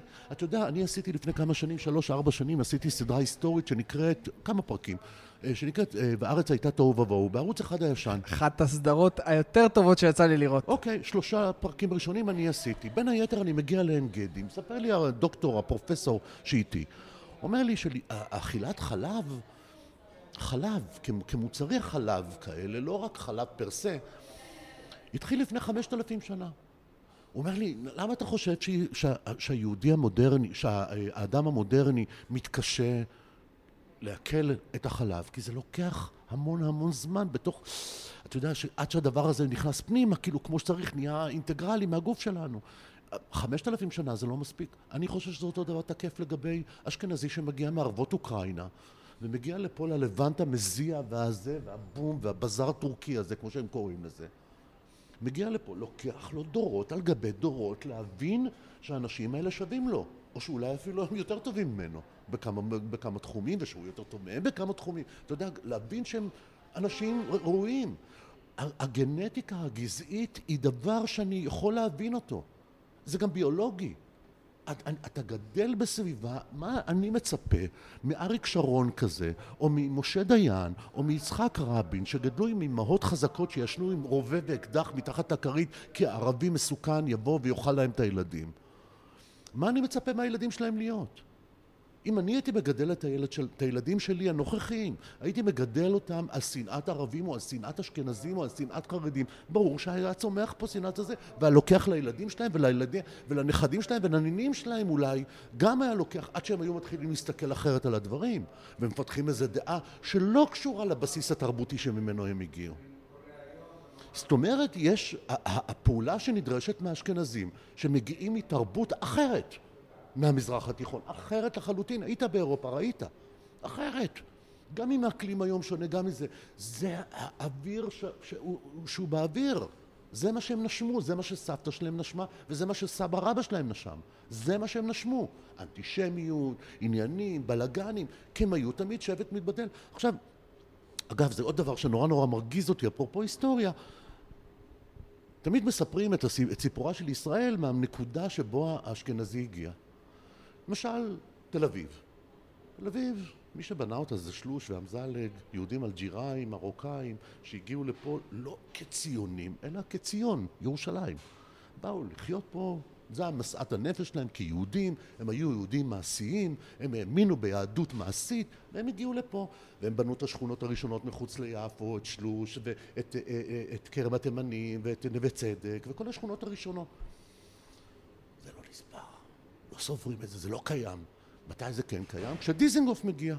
מאיר דיזינגוף, ראש העיר הראשון של ישראל, מגיע בשנת XYZ עם הסוס וכל הפרצלציה האשכנזית מאוסטריה, או אני לא יודע מאיפה, ומאותו רגע מתחילה ההיסטוריה של תל אביב. לפני כמה שנים חגגו מאה שנה לתל אביב, זה מהיום שדיזינגוף מגיע. והנה מוחקים. עכשיו, אותו דבר בירושלים, ואותו דבר בצפת, ואותו דבר בכנרת, ואותו דבר בכל מקום בעולם. כלומר, ההיסטוריה נכתבת על ידי המנצחים. נכון, נכון. ואנחנו, בכל הדבר הזה, אנחנו חייבים כל הזמן לשים לב לדבר הזה. נורא קשה להיות מזרחי גאה, כי אתה לא מכיר את שלוש, ואתה לא מכיר את אמזלג. אתה לא מכיר אותם, אתה פשוט לא יודע מי הם, אתה לא מבין שהשחמט נולד באיראן. והמתמטיקה נולדה במצרים והפסנתר נולד במצרים, אתה לא מבין את זה. ושיחסי גומלין ביהודים למוסלמים נולדו במרוקו, ואתה לא מבין את הדבר, אתה לא מבין מה קרה. צריך באופן אקטיבי ללכת לחפש את זה, זאת אומרת זה לא יגיע אליך. היום זה יותר קל, תשמע, כשאני הייתי צעיר ופתאום גיליתי את העניין המזרחי, לא היה אינטרנט. לא היה ויקיפדיה. לא היה טלפון שאתה עושה ככה ובום, אתה יודע מתי מי יממו. שום דבר לא היה. הייתי צריך ללכת לספרייה לבית אריאלה, ועוד בתל אביב, שהמילה מזרחי לא מוזכרת שם אפילו בהערת שוליים. הייתי הולך יושב, כעיתונאי, הייתי יושב ובודק בבית אריאלה, יושב עם הדפים הזה של העיתונים, אתה יודע, וממש מלקט אחת, גם, כי הרי זה מהלך כולל, גם באקדמיה אין מחקרים על, על מזרחים. אינטלקטואלים מזרחים שרצו לחקור עניינים מזרחיים עשו את זה מחוץ לגבולות ישראל, הם לא פה. פרופסור יהודה שנה, פרופסור סמי שלום שטרית, פרופסור אלה שוחט, כל האינטלקטואלים המזרחים הכי בולטים לאורך שנותיה של ישראל, עשו את הדוקטורט ואת הפרופסורה שלהם שם. פה לא היה להם צ'אנס. כלום, לא הסכימו. אלא אם כן אתה עושה על uh, מסעי הצלב הראשון, מסע הצלב הראשון, או על נפוליאון, או על לא יודע משהו באירופה. אם אתה משלם את האתנן שלך, אולי אחר כך בעבודת הפרופסורה שלך, בהתמחות, אתה יכול לעשות איזה משהו, אתן לך לעשות על הפנתרים השחורים. וואלה, אין דבר. היה מזמן, לא מאיים עליי. זאת אומרת, להיות מזרחי גאה זה נורא, נורא, נורא, נורא קשה. אתה כל הזמן קולט מסרים שליליים, כל הזמן אומרים לך שזה רע, וזה בכיינות, וזה מקצוענות, וזה זה. אומרים לך שזה רע, תסתכל אותי. אני מפרסם בעיתון הארץ. כשאני מפרסם בעיתון הארץ, אתה רואה את הטוקבקים, אתה מת. עכשיו, הילדים שלי רואים את זה. אני נגנב, תמות, מחלות, אתה לא מאמין. עכשיו, מה אני אומר? אני דורש שוויון, אני לא אומר כלום. אבל דרישה לשוויון איכשהו נתפסת על ידם כשנאה. שנאת אשכנזים. כל מקום שאני מופיע, כל פוסט שאני מופיע, היום כבר בפו, בפייסבוק אין, כי, כי פשוט חסמתי את כל אלה כן. שאמרו את זה. כן. אבל בעצם כל פוסט שלי בפייסבוק, תמיד היה, מתי אה, סדרה על שנאת האשכנזים, אין מאמר שאני כותב בעיתון הארץ שאין שם איזה מאה תגובות בדיוק על זה. לא קשור מה הנושא של המאמר, כן. זה יישב להם על הראש. כן. עכשיו, למה הדרישה לשוויון הכי בסיסית, אלמנטרית ואנושית, שמחברת בין כל האנשים, אתם מגדירים את עצמכם כשמאלנים ליברליים, מהכוש של האימא שלכם, תגידו מה, אתם מטומטמים? ברגע שאני אומר אני רוצה שוויון, אני רוצה לסגור פערים, אני שונא? אני אומר לכם הכל הלבן נמצא בתוכי. מה שנקרא some of my best friend are אשכנזים. אז כאילו, על מה, על, על מה ההילולה? למה אתם מנסים לייחס לי איזה תכונות שלא קיימות בי כדי להימנע מהדרישה הבסיסית שלי לשוויון? אתה יודע, זה מה אני רוצה. אחד, אחד, ה, אחד הדברים שבגללם בחיים, או לא בחיים, בחיים האלה עד כה, אה, המזרחי לא יצביע שמאל, זה כי הוא תמיד יראה שהשמאל פה בתל אביב אפילו, בכיכר רבין וברוטשילד, יבוא ויילחם למען הזכויות פליטים, ויבוא ויפגין למען הערבים, ויבוא ויפגין למען... אה, וכיבוש ולהט"בים והכל, אבל רק אתה תגיד מזרחי, הוא שוכח מזה לגמרי, הוא בחיים, לא, הוא בחיים לא יגיד את, את הדבר הזה. ההישג הכי גדול... זה משהו ש... שעד שזה לא ישתנה... ההישג הכי גדול של האקטיביסטים המזרחיים בשני העשורים האחרונים, וזה בעיקר בעשור האחרון, מאז שפרצה הרשת החברתית, פייסבוק, כל זה. תשמע, זה שיח אחר. אני מספיק קשיש כדי לראות את הפרספקטיבה, לראות את הכל באיזה סוג של פרופורציה. לא היה. מגיעים, מגיעים דור, מגיע דור חדש, דיברת לפני כן על נמק T. נמק T, להבדיל מאיזה פעילה משנות ה-60, נניח במה, ב- ב- בירושלים בקטמונים. תסתכל איך היא כותבת ואיך היא כותבת. תראה איך היא חושבת ואיך היא חושבת. נעמה קדים מגיעה עם חתיכת ידע על מזרחים. היא מגיעה עם איזו עמדה ליברלית כוללת שלא לוקחת רק את המזרחים. תשמע, למה אני מתנגד למירי רגב? מה הבאסה שלי מול מירי רגב? ברגע שמירי רגב אומרת לי, אמנציפציה למזרחים וצריך להקים ולפרק את ה... לחלק את התקציב באופן שווה בין מרכז לפריפריה, אני עפר לרגליה. כן. אני עפר לרגליה. ברגע שהיא מתחילה לדבר ולהגיד לי ערבים החוצה וסרטן ולא יודע מה... לא בביתנו. אני לא רוצה לראות אותך. מזרחיות אמיתית, בעיניי, מזרחיות לא יכולה לדרוש זכויות, שוויון זכויות למזרחים ולדרוך על הראש של קבוצות אחרות. שוויון זה שוויון זה שוויון, אין ברירה. נכון. אין ברירה כפרה עלייך, אין ברירה, תמצאי את הדרך. את לא יכולה לדרוש שוויון לשבט שלך ולדרוס שבט חרדי, להט"בי, אה, עובדים זרים, פלסטינים, את, את לא יכולה לעשות את זה. עכשיו, פעם הייתה איזה דיבור, היה איזה דיבור, אחוות הדפוקים. שכל השבטים הדחויים, מה שנקרא רב תרבותיות, שכל השבטים, השבטים הדחויים של העולם מתאחדים כאילו ברית הדפוקים, ועולים על, אתה יודע, זה, על זה, ורצים קדימה. ש, ב, ב, ביחד יש איזה כוח. זה לא, זה לא קרה. לא עכשיו, עבד. לא עבד. אני אגיד, יכול להגיד לך. קרמן אלמקס, אני חושב, ניסתה לעשות איזה משהו. קרמן לא, לא. לא, לא. עם חרדים. אני, אני, זוכר, היה איזשהו... איזשהו תשמע, זה. הדיבור של, של המזרחיות החדשה. המזרחיים החדשים, האקטיביסטים של החדשים, של, של הדור האחרון, יודעים שהם צריכים לידם עוד כל מיני אנשים. קצת אתיופים וקצת רוסים וקצת פלסטינים וקצת זה. כן, הם יודעים את זה. הם יודעים שלא יכולים להיות מתבדלים לדרוש שוויון רק למזרחים. זה לא מוסרי. לא, זה, קודם כל זה ככה צריך. זה לא מוסרי, ככה צריך, כפרה. צריך שזה לא יהיה עם כולם. כמזרחים אנחנו ערבים, כבר דיברנו על זה. כן. אני לא יכול להיות רק... מאה אחוז. רק דימונה. ברור. לא, אה, קריית גת לא, מספיק. אום אל-פחם לא. לא. לא, אני אלך איתך עוד יותר רחוק, כאילו, אני אלך עוד יותר לקצה. כן. דימונה כן, קריית גת לא. כן. אם יש הפרדה פה, למה לא הפרדה פה? זה מזרחים אחרים. אתה, אין גבול לרוע, אין גבול להפרדות. אתה צריך מתישהו להבין את המ- את המושג הזה. אתה לא יכול להיות ליברלי רק לקבוצה אחת. ולדרוס קבוצות אחרות. זה אי אפשר, זה, יש בזה איזה, איזה, איזה כשל לוגי. יש פה איזה אוקסימורון בתוך הדבר הזה. אתה לא יכול. ולכן, זה גם לא, זה, זה גם לא יכבוש את ההמונים. ההמונים, לא, ההמונים המזרחים לא יצאו על בריקדות, כי הם מזהים איפה האמת. כן. הם יודעים איפה האמת נמצאת. בן אדם יודע, בן אדם, בטח יהודי, שחי מסורתי כמו המזרחים, שכל המזרחים תמיד נמצאים על הספקטרום הדתי. אני לא מכיר מזרחי חילוני. נכון, נכון. לא מכיר כזה. הם תמיד על הספקטרום הדתי. אני לא מכיר, יש את המושג, המושג הזה יהודים. את המוסר היהודי הזה. אני לא מאמין שמזרחים יכולים לנהוג איפה ואיפה ולהגיד רק אני. לא מאמין בזה. איפה הגר? איפה האלמנה? איפה היתום? איפה החמלה? איפה זה? איפה הדבר הזה?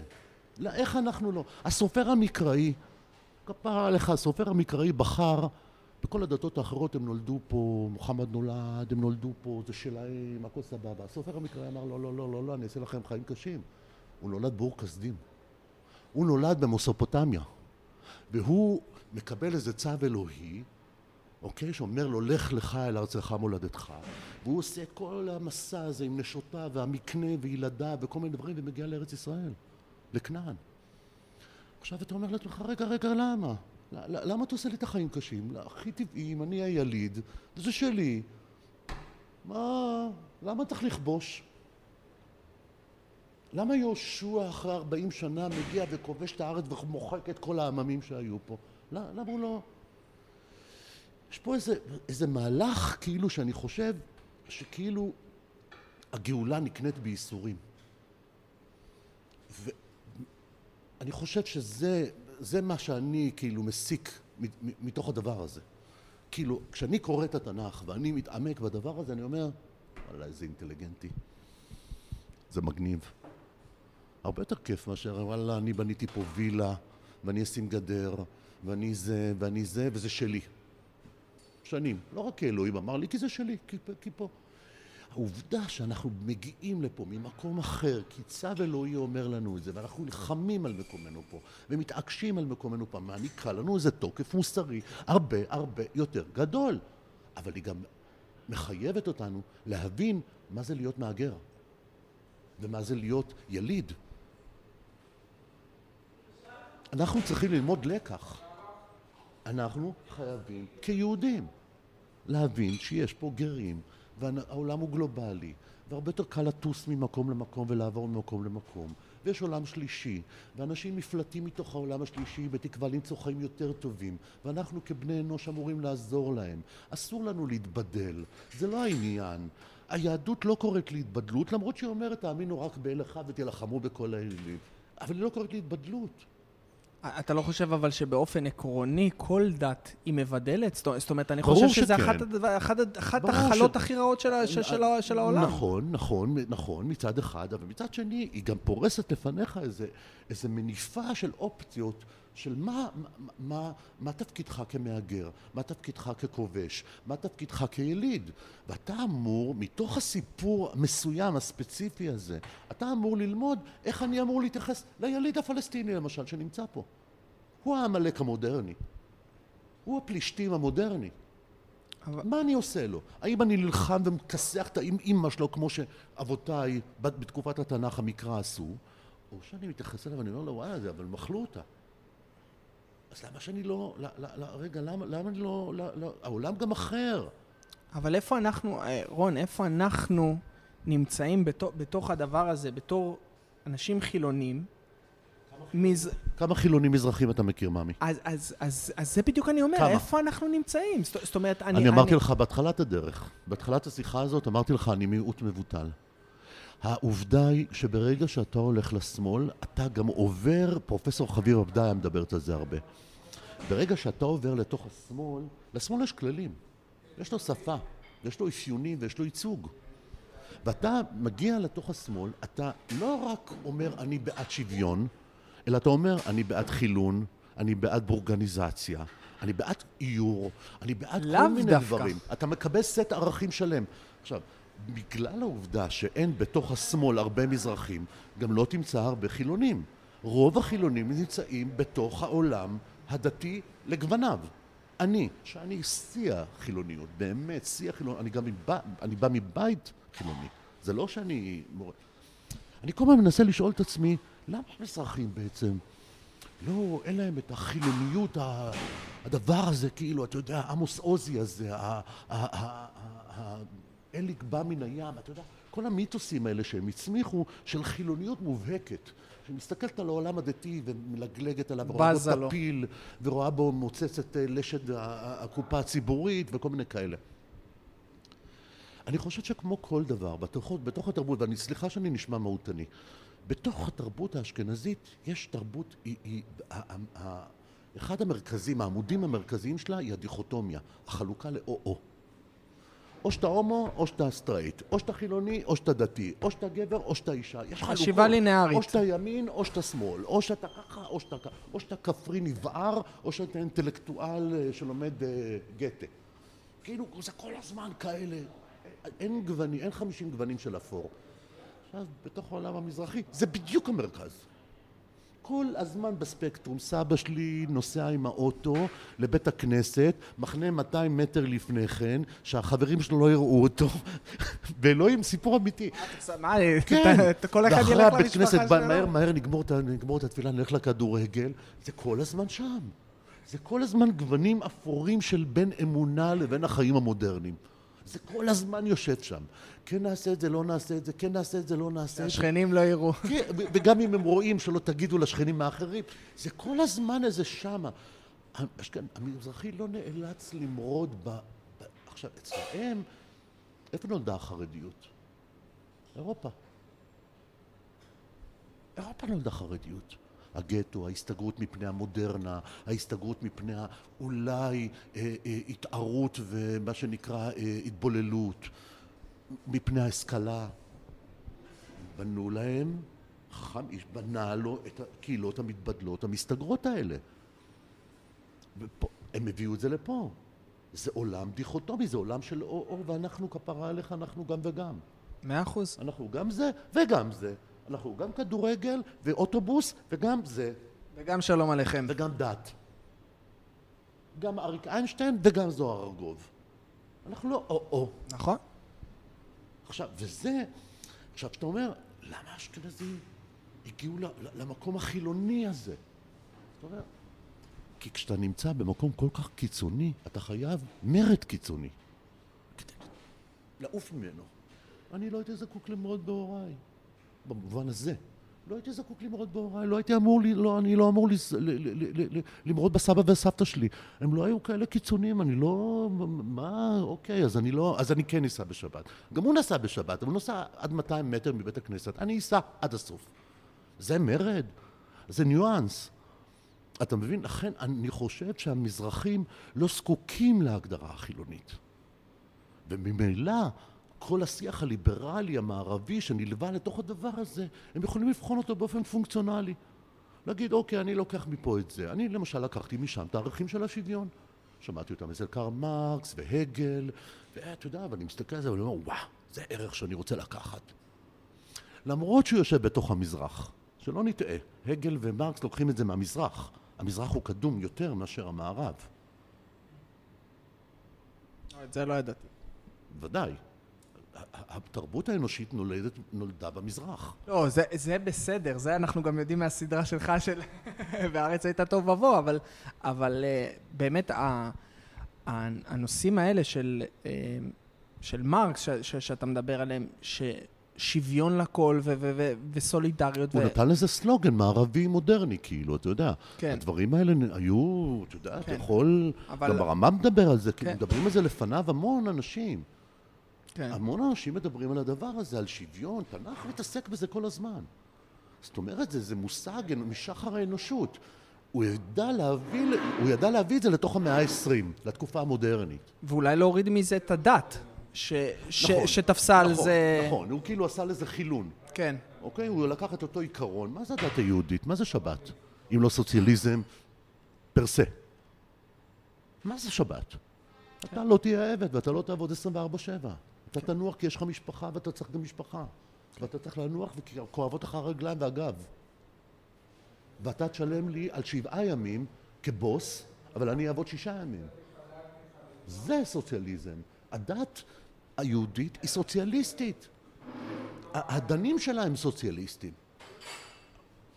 מגיע מרקס והגל וכל הדברים האלה, מפרקים, מוציאים מזה את, ה, את האלמנטים הדתיים האלה, את תעשה ואל תעשה והצודק והלא צודק, מוציאים את כל הדבר הזה, מכלנים את זה, ושמים את זה בתור בשורה להמונים.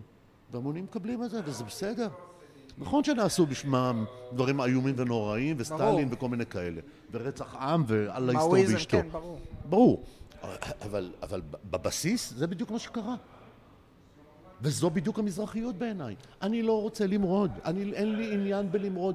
בגלל זה אני שמאל אחר מהשמאל הלבן. השמאל הלבן לעולם, מעולם תמיד התנכר לציבור הדתי והחרדי. אני רואה בהם את האחים והאחיות שלי. אין לי עניין בלחלה, ב, ב, ב, בלהביא אותם אליי. אין לי עניין, תחיו, אני חושב שרק תרבותיות מכבדת את השונות, תהיה שונה. אני לא רוצה שתהיה כמוני. זה לא להביא נכון. אותך אליי, זה תהיה כמו שאתה, איפה שאתה רוצה להיות, איך שאתה רוצה להיות, תהיה, ואנחנו סבביקו ביחד. זה, זה, זה בעיניי פלורליזם, זה בעיניי רב תרבותיות. אני רוצה את החיבוק דוב של יאיר לפיד, ואני אחבק אותם ועל הדרך אני אשים להם לימודי ליבה ואני אקנה להם את הערכים שלי ואני אפרק להם את המוח? למה? אז אוקיי, יש כמה דברים שאני, זה, אה, גיוס, אה, גיוס כזה, גיוס אחר, גיוס זה, אה, לא נכנס למקומות האלה בכלל. אני לא חושב, אני לא, לא כזה צבאי ומיליטנטי, שהחובה לגייס את כולם נראית לי קדושה. וואלה לא, צבא זה לא דבר קדוש. אתם לא רוצים להתגייס, סבבה עליכם. אני מממן. אין לי בעיה עם זה. נראה לי חשוב. אז אוקיי, בן גוריון אמר 400, אנחנו נממן 400 תלמידי, תלמידים חכמים, והיום אולי זה 70 אלף תלמידים חכמים, וזה באמת איזה חתיכת עול על, על הדבר הזה, ואולי צריך לשים לזה איזה גבול, אבל מצד שני, מה אכפת לי? אכפת לי? תמיד היו תלמידים חכמים סביבי. בבית כנסת תמיד היו כאלה שכולם נותנים להם תרומות, והם כל היום יושבים ולומדים, אתה מכיר? ראיתי את זה כל הזמן. ותמיד הפרנס של העיירה של הבית כנסת היה תורם להם כסף, רק תשבו ותלמדו, כי הוא האמין שזה שומר על הגחלת ועל המוסר היהודי ועל התורה ועל הזה ועל הזה. אני, אני לא רואה מה, מה, אני לא מבין מה רע בזה. כאילו כל דבר אבל כאילו מרגיש לי שמחזיר אותנו לקפיטליזם, שכאילו זה החלה המרכזית הרעה של כל הדבר הזה. אתה צודק. זאת אומרת, זה... שאלה, זה... והשאלה היא מי הביא את הקפיטליזם לישראל. הקולוניאליזם האירופאי. מי... תשמע, מבחינה היסטורית, מבחינה היסטורית זה, זה משח... זה תמיד היה. כן, משחר האנוש. היה פה העמדת פנים, הנה, אנחנו עכשיו עם חאקי, ואנחנו נשיר הורה, ונרקוד הורה, וכל מיני כאלה. בפועל היה פה קפיטליזם. פנחס ספיר היה קפיטליסט, הביא את החברים האירופאים שלו, קח מפעל בחינם, הנה כוח האדם, סעו. כן. אתה לא צריך לתת להם זכויות, לא צריך שום דבר, מפגרים, מצפון אפריקה, מפגרים מטומטמים, קח אותם חינם. בכל, בכל מקרה הם יושבים פה ליד בלי עץ. מה אכפת לך? זה תמיד היה. ורבין, זה, כולם מתגעגעים לאיזה רבין. עכשיו אני מבין בגלל הרצח וזה, אני מבין. אבל כשמסתכלים על רבין, קפיטליסט מגיע, שגריר בוושינגטון, מגיע, יושב לו שם עם כל האלה, בתקופת ניקסון וכל מיני כאלה, הכי קפיטליסטי, מגיע לפה ומקים את ועדת ההפרטות. רבין. הראש הממשלה נעל, זה ההתיישבות העובדת, זה כל מיני, כל, כל המושגים האלה, כל הרומנטיזציה הזו. הקים ועדה, יושבים שם, בייגה שוחט, שר האוצר, אה, שר המשפטים, לא זוכר איך קוראים לו, יושבים, וועדה שאין לה פרוטוקול שאסור לפרסם אותו, ומתחילים להפריט. מוכרים את ים המלח, מוכרים זה, מוכרים זה, מוכרים את אוצרות המדינה, מוכרים, אבל הוא, העבודה, הוא שמאל, הוא מאמן, thanks God. סליחה, אתם יושבים על ביבי? מי שבנה את זה זה אתם. אז כל החלוקה הזאת לשמאל וימין היא כל כך מטופשת, היא כל כך לא רלוונטית. היא כל כך לא רלוונטית לעולם החדש ולשיח החדש הזה, שהמזרחים, בצדק, מסרבים להתקטלג לפיה. הם הרבה יותר חכמים מהשבט הלבן, אני מצטער. הם מבינים שזה פסה, שהחלוקה הזאת היא חלוקה אינטרסנטית של בעלי עניין שמעוניינים לשמור על עמדות הכוח שלהם. והם לא מוכנים להתקטלג על פי תקרא לי ימני, תקרא לי פשיסט, תקרא לי שונא, תקרא לי מה שאתה רוצה. אני נאמן לדרכי. וכשרבין מגיע אה, אה, למתמודד לראשות הממשלה, המזרחים אומרים וופ לרבין. רבין נרצח, חוזרים חזרה. מגיע ברק, בלה בלה בלה בלה, מבטיח להם כל מיני הבטחות, מבקש סליחה ממזרחים, וופ, עוברים, הוא נבחר.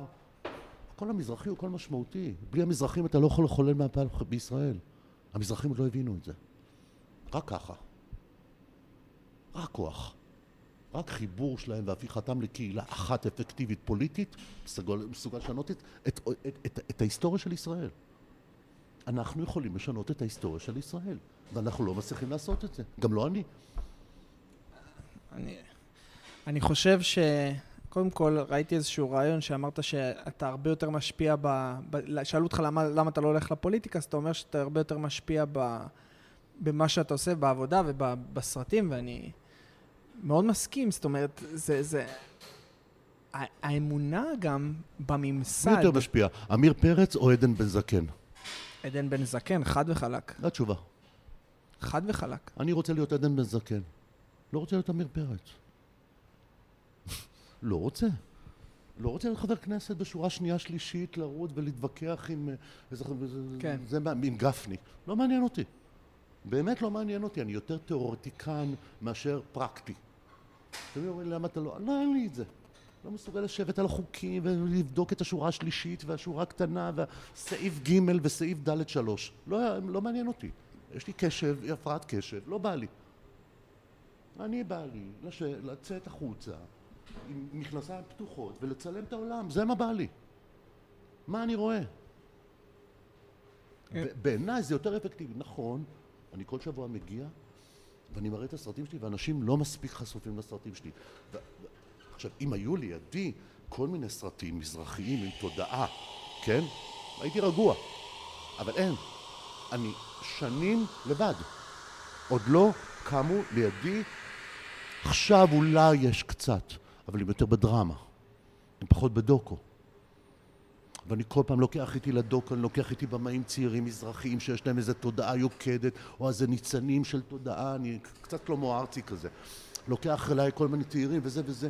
זה לא ממש קורה, נורא קשה להיות גם בישראל 2019, להיות במאי דוקומנטרי עם תודעה מזרחית. נורא קשה להתקיים פה. אה, תשמע, אני עושה עכשיו סדרה, אני עושה סדרה על יחסי יהודים ערבים. יש נושא יותר חשוב מזה בעולם הדוקומנטרי? יש נושא יותר חשוב לא. מזה בעולם הישראלי? אין. הגשתי בקשה לתמיכה בכל הקרנות, אוקיי? כל הקרנות של הקולנוע. מכולם, עד אפס, עד האחרון שבהם קיבלתי לא. רון כחלילי, אחי, ב... ב... שמות, טייטלים, עניינים. חבל הזמן. לא, אחרי שלושה ימים.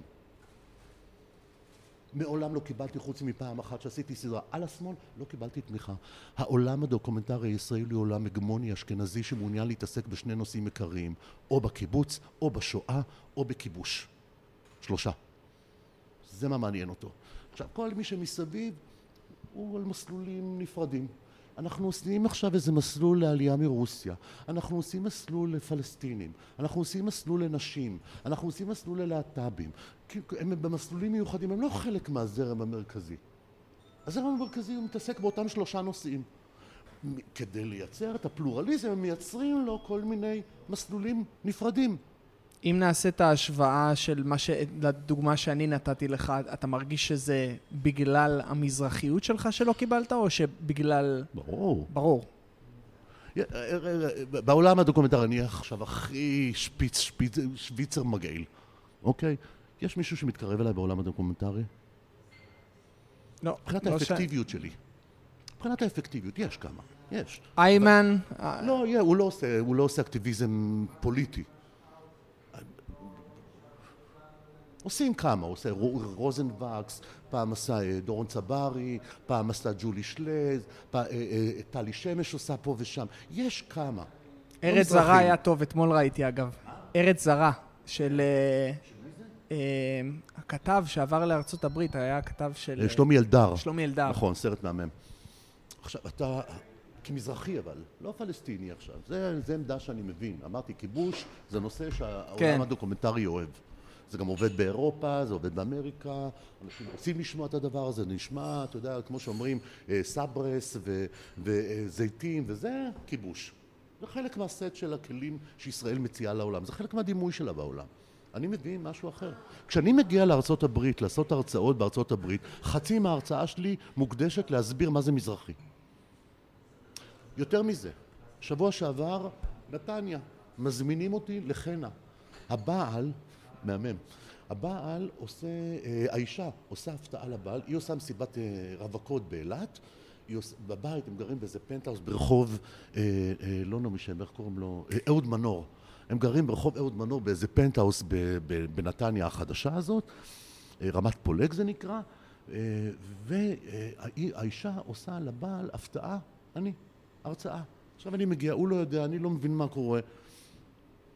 עכשיו אני רואה מלא אה, טולים מתנפנפים ומוזיקה מרוקאית ואורות ומלא שתייה אלכוהול וכולם כזה. וחשפנית אמורה להגיע ואני מגיע, האדון מגיע. עכשיו, הכניסה שלי כאילו פנימה לת- לתוך, המ, לתוך המהלך הזה, קודם כל זה דרמטי, אבל זה תמיד מתחיל ונגמר בזה שיש איזו התנגדות הם, הם קפוצים כאלה, וזה נגמר, עוד דקה הם מצביעים לרשימה המשותפת. סח בי, עוד כן. דקה הם ברשימה המשותפת. רק, רק תתחיל. רק, וקל נורא לקלף אותם, הכי קל לקלף אותם. זה פשוט, זה מובן. כי אתה יודע למה? כי זה נשען על אמת. בדיוק. אני לא מזהם את השכל, אני לא משקר. אני מוכן לשלם את המחירים הכי כבדים. ואני משלם מחירים הכי. בגלל זה התאהבתי אדם- בך. אדם במעמדי יכול היה להגיע לפסגה מטורפת בעולם הטלוויזיה והתקשורת הישראלית. עם הניסיון שלי, עם הכישרון שלי, עם הידע שלי, עם היכולת ניסוח שלי וכולי וכולי, אדם היה יושב בשפיצים של העולם. אני משלם, אני יושב בעולם האיזוטרי, אני יושב בערוצים איזוטריים יחסית, אני לא נמצא בתוך המדורה המרכזית, השבט המרכזית, ואני כל הזמן מסומן כאויב האומה. אני משלם מחירים נורא נורא כבדים. לפני כמה שבועות הייתי בקיבוץ, אני לא אגיד מפאת כבודם וזה לשון הרע, לא יודע מה, לא אגיד את השם. אחי, קיבוץ, פר אקסלנס. קלאסה. אתה יודע, ובתוך חדר האוכל הם הזיזו את השולחנות וזה וזה, ושמו כמה, זה, אה, רמפה כזאת וזה, ואני, המזכירת משק, או האחראית על התרבות, מגיעה עם טוניקה, כמובן, ומלא קישוטים חרוזים, מגיעה ומציגה אותי. איך שאני, איך ש... עכשיו, באתם להרצאה שלי.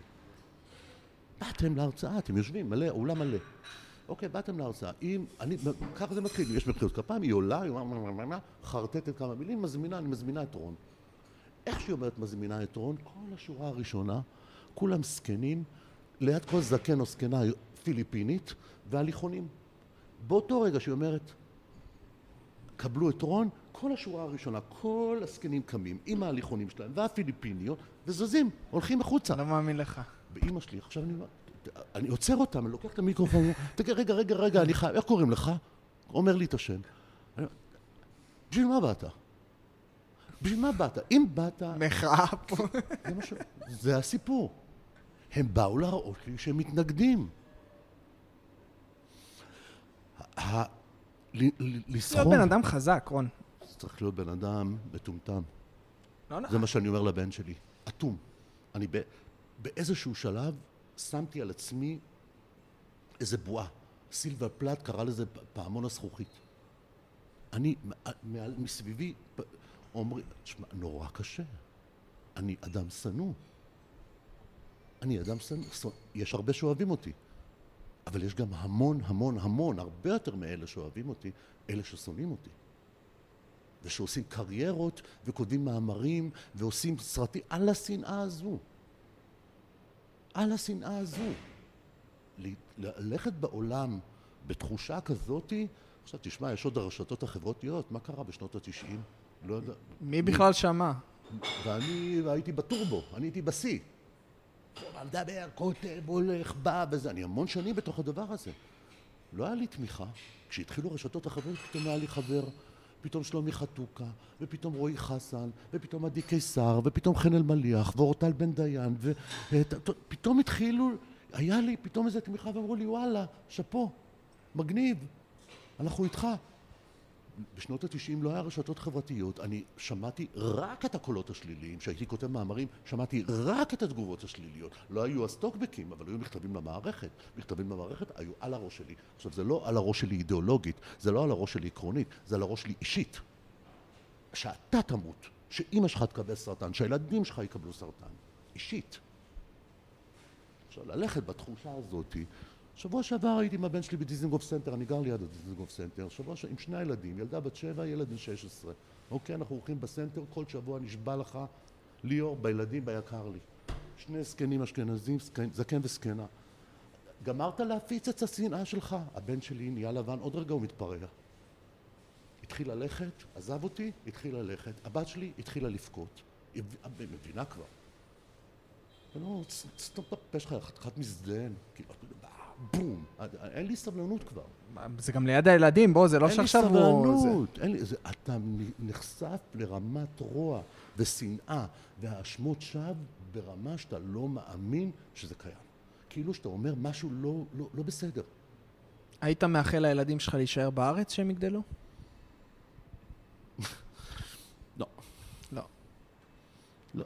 אם הם רוצים להיות מזרחים, לא. והם מזרחים. הם מזרחים משני הצדדים.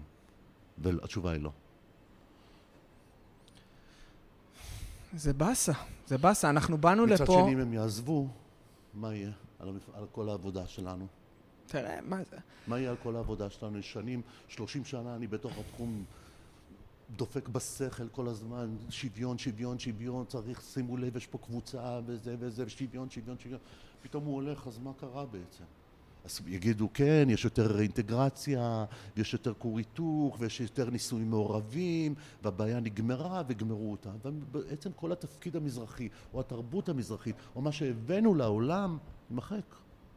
ונשאר באמת איזה עולם קולוניאליסטי לבן, כובש, שלא ידע להסתדר עם המרחב, חייב לדכא אותו כדי להיות עליו שולט. אתה רואה את ישראל נשארת לאורך זמן? כן. כן? אם המזרחים, אם התרבות המזרחית נשארת... עזוב אם, אני שואל על ישראל, אתה רואה את ישראל נשארת עכשיו 50-100 שנה קיימת במתכונת ככה, עם הכיבוש ועם הכל? לא, לא, זה חייב להיפסק. לא נראה לי שזה יכול להמשיך לאורך זמן. לא יכול להמשיך. אבל מצד שני, השאלה אם אתה רואה גוג ומגוג וסוף הבית השלישי וכל מיני כאלה, אני לא שם. אני לא פסימיסט. אבל... אני אופטימי. אתה אופטימי. אני אופטימי. אני רואה את הערבים, אני רואה את התהליכים שהערבים עוברים. אני רואה את התהליכים שהמזרחים עוברים. אני רואה תהליכים אפילו שהימין הקשה עובר. אני קראתי אתמול מאמר במקור ראשון של נתן אשל הסוטה הזה ממשרד ראש הממשלה, שכותב על הערבים, שדווקא הימין צריך להתחבר עם הערבים. ואני אומר, וואו, וואו, וואו, יש פה איזה מהלך. משהו קורה. משהו קורה פה. שנים חשבנו שהשמאל הוא הפרו-ערבי והוא תמיד יגן על הפלסטיני ואתה יודע, וידפוק אותנו מאחורה. פתאום קורה פה איזשהו מהלך אחר, פתאום דווקא הימין מושיט יד לערבי, הישראלי אמנם, אבל מושיט לו יד. ויש פה איזשהו מהלך. אני חושב שיצר החיים, גם שלנו, גם של הפלסטינים, גם של המזרחים, גם של אשכנזים, גם של דתיים, גם של גם נשים, גם גברים. אני חושב שכל הדבר הזה, מתישהו, ינצח. זה לא יכול להיות אחרת. אנחנו באמת, כיהודים, כ... אפילו כציונים, אתה יודע מה, אבל לא ציוני, אפילו כציונים, אנחנו הבאנו משהו טוב פה גם. לא עשינו גם רע. לא, לא עשינו רק, רק רע. לא רק. אתה תסתכל, תראה, הייתי, אמרתי במרוקו, אתה יודע, אתה, אתה תלך לשם, ברור, אתה תראה, זה, ברור, אתה, אתה חוזר, ברור, אתה חוזר 200-300 שנה אחורה. ברור, ברור, ברור. ברור שיש, שיש את הקדמה ויש פה את ההתפתחות ויש את הכל, אבל אני חושב... התחברנו לקולוניאליזם הלבן. נכון, אבל אה, יש, א', יש גם מחיר, אה, ואני חושב שהשעטנז הזה שצריך לקרות פה, קודם כל, אני, אני מקווה שלא נישאר מדינה יהודית. זאת אומרת, אני, אני מקווה, התקווה שלי שזה תהיה מדינה אחת מהירדן לים, מדינה אחת ל, ל, ל, לשני העמים, כי הקונספט הזה הוא תמיד ישים איזשהו מיעוט בנקודת אין ברירה, אין ברירה מהמילה. אל תקנה את כל המסרים, לא של נתניהו ולא של השמאל ולא של טראמפ ולא של אירופה. מדינה אחת מהים ועד הנהר, שוויונית לכל מי שגר פה, כלומר גם לעם הפלסטיני וגם לזה, שהם הילידים המקוריים ואנחנו, זו ארצנו שלנו ואנחנו חוזרים אליה והכל בסדר בשבילי, אין לי בעיה עם טקסטים כאלה. זה חייב לקרות. אז אולי בדרך יהיו שתי מדינות, ואולי יהיה חומה של חמישים שנה, ואולי, אני לא יודע מה, איזה, כמו האיחוד האירופאי, איזה מין ארגון גג כזה, שיושב על כל הדבר. יכולות להיות כל מיני קונסטלציות פוליטיות. ברור לחלוטין שזה המקום היחידי, המוסרי, ההגיוני, שיקרה. עכשיו, הימין הקיצוני מבין את זה, והשמאל הקיצוני מבין את זה. הימין הקיצוני מבין את מה זה? זה אורי אריאל? מה זה בנט, שמתנגד לפתרון שתי עמים, אה, שתי מדינות? שמדבר על סיפוח וכל הדברים האלה. הוא מדבר על מדינה אחת. עכשיו, הוא מדבר, ההבדל בין השמאל, בין הימין הקשה לבין השמאל הקשה, הוא באופי המדינה אחת. בעוד שבנט ואורי אריאל מדברים על מדינה אחת, מדינת אפרטהייד, עם אדונים ומשרתים, השמאל מדבר על מדינה אחת שוויונית, כמו שאתה מדבר עליה. אתה מבין? אבל המכנה המשותף הוא ברור, זה מדינה אחת. זה לא שתי מדינות, זה לא הפרדה. כל הפתרון של מדינה אחת מבוסס על הפרדה. הפרדה היא אלמנט גזעני. אתה מדבר על שתי מדינות. כן, הפ- שתי כן. מדינות. זה, זה, זה פשוט אלמנט גזעני. אני לא רוצה, זה אהוד ברק, כאילו, התיאוריות. אתם שם, יוסי שריד, אתם שם ואנחנו פה. ויש חומה, ומגיע חיים רמון, כל מיני פעילי שמאל כאלה מגיעים. והפרדות- שמאל. בדיוק. וכל הזמן הפרדות. ומה שהם אומרים כל הזמן זה בעצם לא איך אנחנו חיים בשוויון ואחווה יחד, אלא איך אנחנו בעצם מבססים ומשרישים את ההפרדות. זה לא בוא נראה אולי אה, זיאד הוא אינטלקטואל דוקטור למוח. זה לא שם. לא, זיאד מעצם עובדה שקוראים לו זיאד, הוא חייב להיות מעבר לחומה, כי הוא מחבל. או פלאח מטופש ופרימיטיבי, או מחבל מסוכן שדינו מוות. ואם הוא לא יקום אליך, אתה תקום אליו להרוג אותו. כלומר, כל המערכת, כל המנגנונים הממשלתיים, המשרדיים, מסלילים אותך לשנאת ערבים, ומסלילים אותך לשנאת זרים, ומסלילים אותך לשנאה של כל מה שהוא לא יהודי מתבדל, טהור. העולם לא עובד ככה. לא יכול להימשך. העולם לא עובד ככה. אנחנו באמת בכפר גלובלי. אנחנו עם מטוסים ואוניות, והיום לנסוע לאירופה זה ב-60 יורו. שני הכיוונים. אז, אז, אז מה, זה הסיפור הזה? עוד דקה העידן הפוסט-לאומי מגיע, אנחנו כבר, זה, בפ- זה בפתח. זה בפתח. גם העידן, גם קץ האידיאולוגיות, כאילו, אתה יודע, התיאוריה של שנות ה-80, גם היא מגיעה עוד מעט. הכסף. יש דת ניאו-ליברלית ויש את השאר. ויש את ברני סנדרס ב- ב- ב- בארצות הברית. זה כאילו, זה כאילו הקצוות. זה, זה, זה עולם אחר. זה באמת מטופש היום, כשהעולם הוא כל כך גלובלי וה- וה- והנווד הוא לא כזה יוצא דופן, היהודי הנודד, הוא לא כזה חריג וכל מיני כאלה. כולם זזים. אנחנו זזים כל הזמן, תסתכל, את הישראלים, הייתי עכשיו בברלין, וואלה, חצי עיר יהודים. הייתי בלונדון, הייתי במסיבה של ישראלית, חשבתי, "או, שלושה, כולם היו ישראלים, היו שם איזה אלף איש. זה, זה, זה מטורלל. אז לבוא ולדבר איתי על מדינה יהודית ודמוקרטית עם גבולות וזה, עזוב, תשחרר באימא שלך. תשחרר, אימא'לה, אתה זקן. אתה פסה, לך.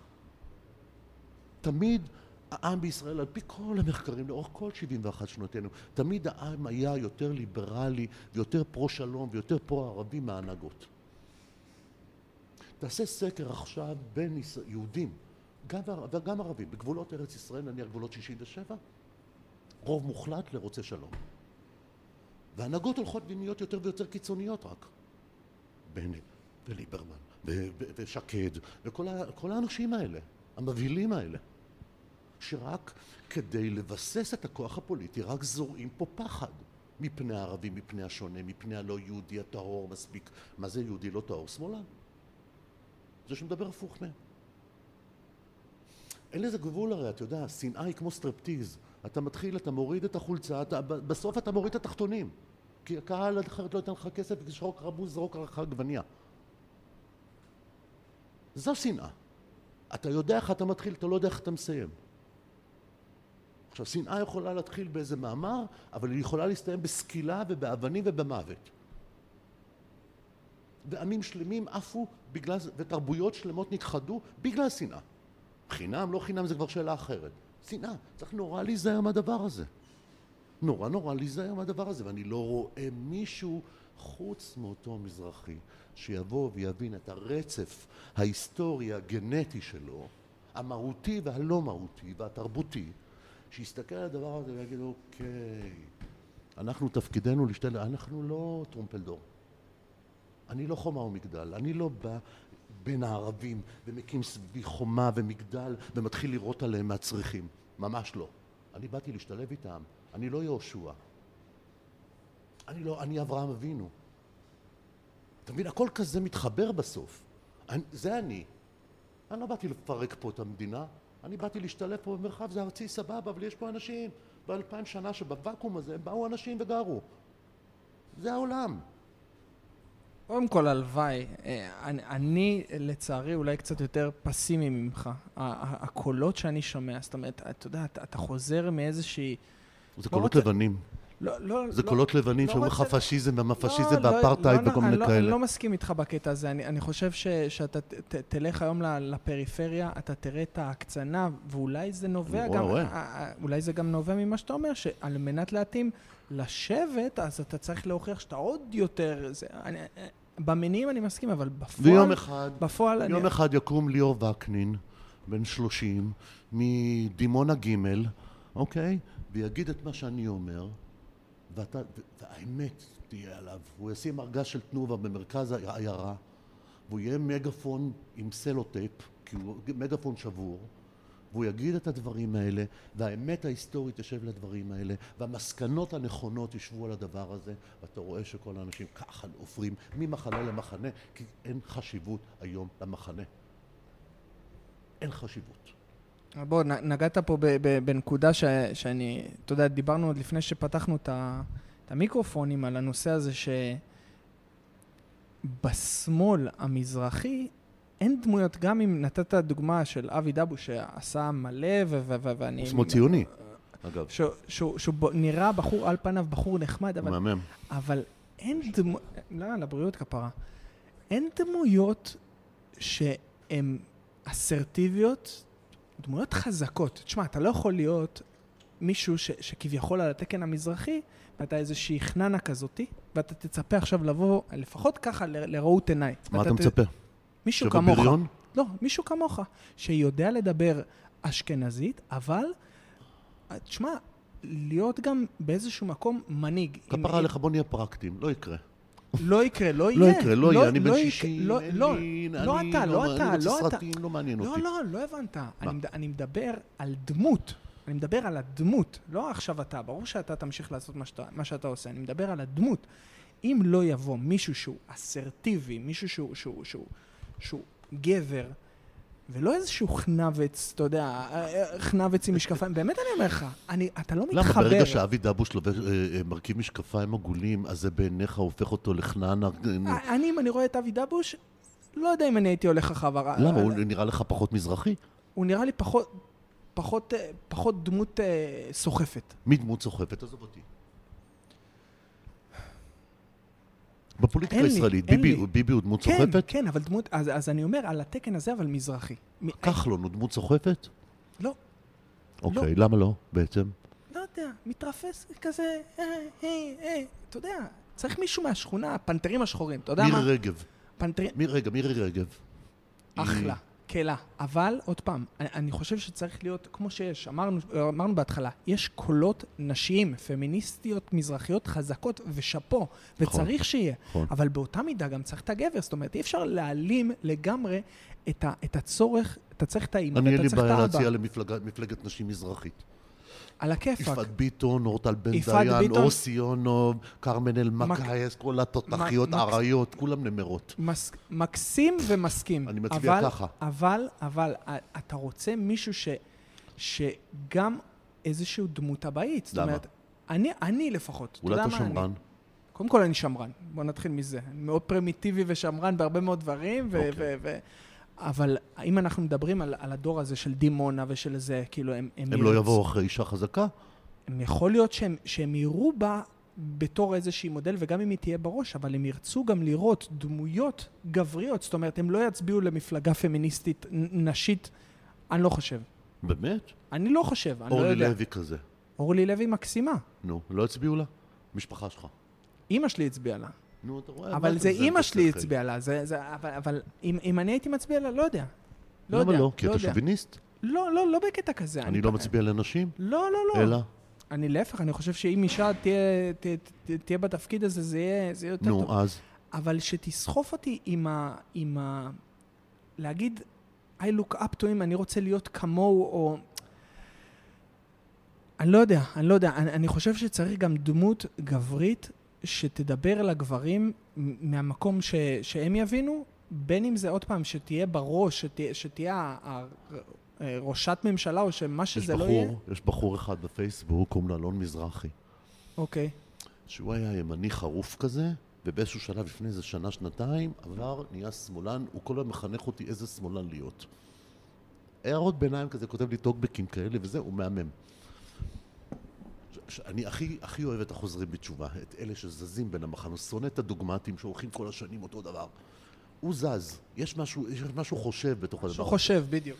אני, אני, אני עושה איתך ליהוק עכשיו, כן? לוקח אותו, לוקח את כל האנשים שאמרתי לך, לוקח את שלומי חתוקה, לוקח את רועי חסן, לוקח את עורך דין אופיר טובול, לוקח את כל הדברים האלה, לוקח איזה נציג שניים מש"ס, מהצעירים הבום האלה, השבאבניקים האלה של ש"ס. אין, מקסים. אין, אני לא חושב שאנחנו, למרות שזה נראה כאילו כן, שצריך איזה גיבור, איזה כוכב אה, יאיר לפיד סטייל, או ביבי נתניהו סטייל, כדי שיבוא ויכבוש את ההמונים, או גנץ כזה, שיבוא ויכבוש את ההמונים. אתה לא חושב? אני חושב שיכולה להיות הפתעה גם ממקום אחר, שפתאום תבוא הנהגה, אתה יודע, לאיזה שתי שניות, שבוע שעבר, אה, מוסי רז והחבר כנסת הפלסטיני הערבי של אה, מרץ אמרו, אה, איך קוראים לו? אה, לא שכחתי את שמו. אמרו שהם יתחברו, הם יהיו אה, מפלגה דו-ראשית כזה. כן. יענו יהודית פלסטינית. ואני אמרתי, רגע, רגע, רגע, אולי זו המהות של הרב-תרבותיות בעצם? שאין מנהיג. באה סריה, ארבעה מנהיגים. אוקיי, מי ראש מועצה. ראש הממשלה, מי ראש הממשלה? מי שהכי בסקרים עולה, הוא הכי. אבל אני, אני הולך בארבע. אני הולך, אני הולך על קבוצה.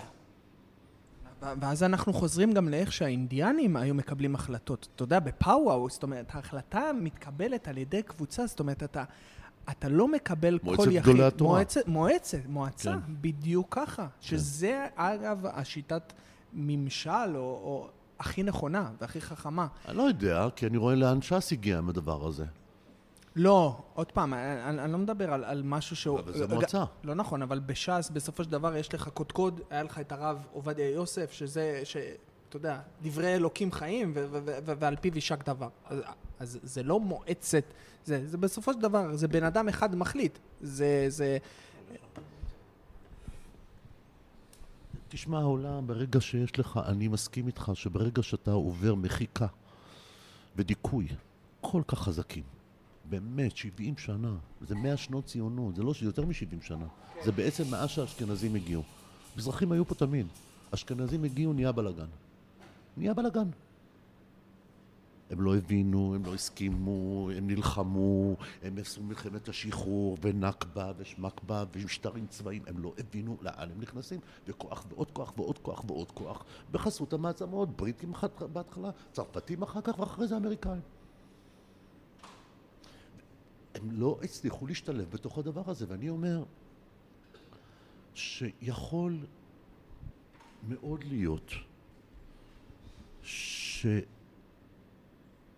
כדי להצמיח את המנהיג הפוליטי הבא, אנחנו נצטרך, לר... המזרחי, שיבוא עם כל הסגמנטים שאמרנו, שצריך לבוא עם תודעה היסטורית ותודעה תרבותית ותודעה תודעה של מרחב גיאוגרפי ומרחב תרבותי פוליטי שבו אתה אמור להשתלב, או להיות הכובש. כדי שיקרה הדבר הזה, הוא לא יכול לקרות עכשיו. כי רוב הצעירים המזרחיים חושבים כמוך, מאמילה, שהם יכולים להצליח רק בחו"ל. הדיכוי שלהם הוא כל כך חזק, הם מבינים שתקרת הזכוכית זה לא משהו מטאפורי, הוא קיים. כשאתה אומר לי, אני לא השגתי תרומות לסטארט-אפ שלי כי אולי אני מרוקאי וקנין, זה פוצע לי את הלב, אני, אני מבין על מה אתה יושב. עכשיו, אני אומר, אז זה לא אתה לבד, אתה לא לבד בעניין הזה. אתה- אתה ואולי אני לא באתי עם קרדנצ'לס, בוא רון, ברור. אתה, אתה, שאתה עושה אני אסיים את זה 40 רק. שנה ואתה אומר לי את אני אומר לך אותו יותר דבר. מזה, אני אומר לך אותו דבר, אני אומר לך שאתה צודק. אני אומר לך שההד שיושב בתוכך ולא משוכנע אם זה בגלל זה או לא בגלל זה, קיים וזה נכון ואתה צודק. ואני יכול לתת לך מחקרים אמפיריים שמוכיחים שאתה צודק. העניין הוא שאתה אומר, אוקיי, למה אין לנו מנהיג מזרחי, כריזמטי, חזק, שיש לו את כל הדבר, את כל הסט הכלים האלה? אני חושב שזה בלתי אפשרי, זה, זה, זה, זה כאילו לא יכול לקרות. המערכת לא תיתן לאדם כזה לצמוח מתוכה. יש בפייסבוק בחור, עורך דין, שקוראים לו ברק כהן. כן, זה אני... מזרחי. הייתי רוצה, הייתי רוצה גם לראיין אותו. אחד כזה בעולם יש. בעולם יש אחד כזה. דמות מעוררת לייצ- השראה. ממש. ממש.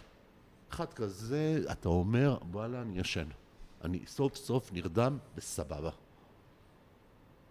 עם כל המהפכנות שלו, ואני ככה, ואני ככה, ואני נגד הממסד, והממסד, והמשטר, וכל... אתה אומר, ככה צריך לחשוב. זה, הוא הופך את הכל, הוא, הוא לא מתעסק באדוות שעל פני המים, הוא ממש נכנס לתוך החול של המעמקים והופך אותו. וזה מהמם. אבל כמה כאלה יש? כמה, כמה ברק כהן יש? כמה אורטל בן דיין שהרימה לרגע את הראש, חטפה את הבוכטות של החיים שלה, מכות מכל הכיוונים, קראו לה בשמות, עשו לה מסע של ציד ממש. עד שהיא חזרה חזרה ונכנסה לתוך הבית, ווואלה, סתמי. נורא קשה, אמרתי לך, הסברתי לך, נורא קשה להיות מזרחי. מזרחי גאה עם תודעה נורא קשה להיות. אתה נגד הזרם באופן מוחלט, אתה נגד מזרחים שרוצים להיות ישראלים, ואתה נגד אשכנזים שרוצים שתהיה מה שהם רוצים. ואם אתה, ואם אתה כמוני, אז אתה מבין... שלא לדבר על פלסטינים שלא סופרים אותך. ואם אתה כמוני, שבן אדם שטייל קצת בעולם, וחי ב- ב- בחו"ל, אתה יודע גם שיש אבל גם אופציות כן, אחרות. אבל מצד שני, מצד שני, אתה יודע יכול- שיש אופציות אחרות. מצד שני, אני הרבה פעמים חושב שהמנהיג המזרחי הבא, הדרמטי, שיכול לשחק את המשחק הזה, חייב לבוא מבחוץ. הוא לא יכול לעבור את תהליכי הסוציאליזציה הישראלים, את מערכת התרבות והצבא והתקשורת והפרסום והרשתות וכל התהליך הרע הזה שמסמן את המזרחי כל הזמן ואת הערבי וכל מיני, כל מי שהוא לא מתיישר על פי הנורמה ההגמונית, הוא חייב לבוא מבחוץ. הוא חייב לחשוב מבחוץ. כשאני הגעתי. הגעתי אל השוחט, פרופסור אל השוחט הזמינה אותי אלינו, היו בארצות הברית. סתם. לא, לא הרצאה או משהו. ואני, ואתה יודע מי הרצה? איראני. עכשיו זה לפני עשרים שנה. הגעתי היו, אני מגיע. היא אומרת לי, אתה חייב לשמוע. היא לא אמרה לי שהוא איראני, זה נראה לה כל כך obvious.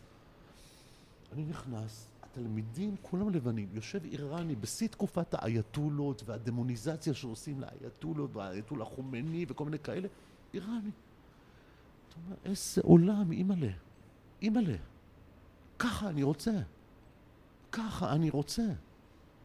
הוא חכם, הוא עומד בראש הכיתה. עכשיו, אני אומר, היכולת שלך להיות אחר, או, או לפתח איזו עמדה מוצקה, חזקה, זה או שזה לוקח לך 40 שנה ואתה נהיה קשיש עד שאתה יכול לפרוט את השטר הזה, כמוני. אוקיי, אני כבר בן 60, אני לא בן 25. אם הייתי בן 25 אני עף. עם התובנות 60. של היום. כן. אבל אני, אני עף. אבל אני לא. אז אולי אלה שבחוץ, שלא עברו את המכבש הציוני היהודי המסוים הזה, והמסרס. יכול להיות, אתה לא יכול להיות, לבוא נגד השיטה אם אתה לא מבין שיש שיטה. ורוב הפעילים המזרחים, כמו פעילים בתחומים אחרים, לא מבינים הרבה פעמים את השיטה. לא מבינים את הקונטקסטים הפוליטיים, לא מבינים את ההיסטוריה, לא מבינים באיזה שרשרת מזון הם מגיעים, מי היה לפניהם, מי אחריהם. הרבה פעמים הוותיקים, הפעילים המזרחים ותיקים, כועסים נורא נניח על כל האקטיביסטים של הרשתות החברתיות, נניח רועי קאסל ועדי קיסר וזה וזה, וכאילו למה אתם לא זוכרים את המאבק שלנו, כאילו אתם מתחילים את הכל מההתחלה. יש, יש דיון פנים מזרחי כזה, פנים אקטיביזם מזרחי, שבעצם אומר כל הזמן הזקנים, בגיל שלי, כן? כל הזמן אומרים לצעירים, סליחה, סליחה, סליחה, אתם לא המצאתם את הדברים האלה, זה היה פה עוד בשנות ה-60. והיה הרבה יותר... והיה הרבה- והיה- לא יודע אם זה היה הרבה יותר, זה, אני, אני חושב שהמאבק של היום הוא הרבה יותר חריף והרבה יותר אפקטיבי. אני חושב שהדור הצעיר, נעמה קטי כזאתי, משפיעה היום הרבה יותר מאשר השפיעה נניח אה, אה, ויקי שירן בשנות ה-80. אני מדבר על, על הפלח הרחב ועל אמצעי הביטוי שלה שהוא הרשתות החברתיות. היא מגיעה ליותר אנשים תכלס. כן. כמה ויקי שירן? אני, כאילו, אני הייתי חבר מצריה כמוני. כמה ויקי שירן? כמה הכירו אותה? היום, מי לא מכיר את רועי חסן? לומדים אותו בתיכון. מי לא מכיר את שלומי? מי לא מכיר את עדי קיסר? לומדים אותה בתיכון. אין ערב שירה בתל אביב שהיא לא הכוכבת שלו. יש לה הרבה יותר קהל, היא מגיעה להמון, להרבה יותר מקומות. אבל אז קורה מצב, כמו שרועי חסן אומר, שאני עכשיו טוב לי עם, ה, עם הכסף, תעזבו אותי. סבבה. ואז אני, ואז אני, מה שבא לי? לעשות זה להביא לו הפוכה. זה מבאס. זה מבאס. זה מבאס. זה מבאס, הבורגניות. זה הבורגניות. זה הכסף. כן, כן, כן.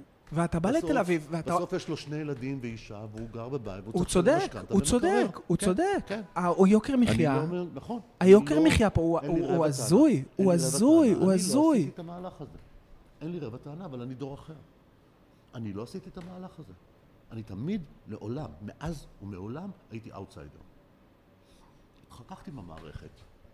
הייתי בתוך המיינסטרים. אני כותב בהארץ, כתבתי לפני כן בחדשות, הייתי בערוץ 2, הייתי, את- את- הייתי במדורת השבט, מה שנקרא. אבל עדיין, אני תמיד ראיתי את עצמי השליח, אני, כאילו מישהו העביר לי לפיד. אני הרגשתי שמישהו מאחורה, אני יודע גם מי זה, אני לא אגיד, אני יודע מי זה העביר לי את, את, את הלפיד הזה, ואני מחזיק אותו ואני מוליך אותו קדימה. עכשיו, מתישהו זה יגיע, אסור שהלפיד הזה יכבה. אשריך, אשריך, כי- אבל- כי- כי- כי ב- ב- בגלל זה, עוד פעם, אני אמרתי לך את זה ב- ב- בשלב הזה של ההתפכחות שלי מכל הז- הזהויות האלה שניתנו לי, ציוני, ישראלי וזה, ופתאום חיפשתי מישהו שאני אסתכל עליו כ- כדמות מעוררת השראה. חוץ ממך, לא מצאתי. וזה חשוב ש... סמי מיכאל הוא לא דמות מעוררת השראה? לא יודע מי זה אפילו. די, לא יודע מי זה. הסופר סמי מיכאל. לא, לא מכיר. באמת. קומוניסט, עיראקי, מהמם, בן 90 ומשהו, 93 נדמה לי. יש. אנחנו לא הכרנו אותם. הממסד דרס אותם. הממסד החביא אותם. הממסד נתן להם איזה פרס פעם ב-30 שנה למרות שהוא בכיר הסופרים והוא מפנק את כל האחרים. נתן לו פעם איזה פרס, איזה סלמת, סתום את הפה. גם שמאלני, גם מזרחי. גם קומוניסט. יש כאלה. ויקי שירן, אתה יודע מי זה דוקטור ויקי שירן? המשוררת, הפעילה החברתית הפמיניסטית הראשונה, מקימת תנועת אחותי? יש דמויות כאלה, אנחנו לא מכירים אותם, אתה לא מכיר אותם. עכשיו, אני לא מאשים אותך כפרה עליך. הממסד עושה הכל כדי שאתה לא תכיר אותם. אנחנו יודעים, הפנתרים השחורים הם לא נחמדים, איזה שתיים שלושה קלישאות. אנחנו יודעים מי זה כוכבי שמש? עורך דין כוכבי שמש? אנחנו יודעים מי זה סעדיה מרציאנו, שהוא גיבור ילדותי, וכשאמרתי מקודם אני לא אגיד מי זה, זה, עלו, זה עליו? מישהו יודע מה זה, סע- מי זה סעדיה מרציאנו? שהוא דמות מופת מבחינת מאבק מזרחי. מופת. הוא המציא את המשפט, או שמחלקים את העוגה שווה או שאין עוגה. זה הוא. זה יקרה עוד זה פעם. הוא. אבל זה הוא אמר את זה. הוא. בא ממוסררה, משפחה קשת יום, מרוקאים גרים באיזה בית ערבי ממוטט. עוני מחפיר. ככה זה. אנחנו צריכים אבל. היזהרו בבני עניים. אשכרה. זה מה קרה. ויקי קנפו לא הייתה יכולה להיות מנהיגה. מאה אחוז. ויקי קנפו לא יכולה להיות מנהיגה. באבו יכולה. יש. היו. יהודה שנהב, סמי שלום שטרית, היו.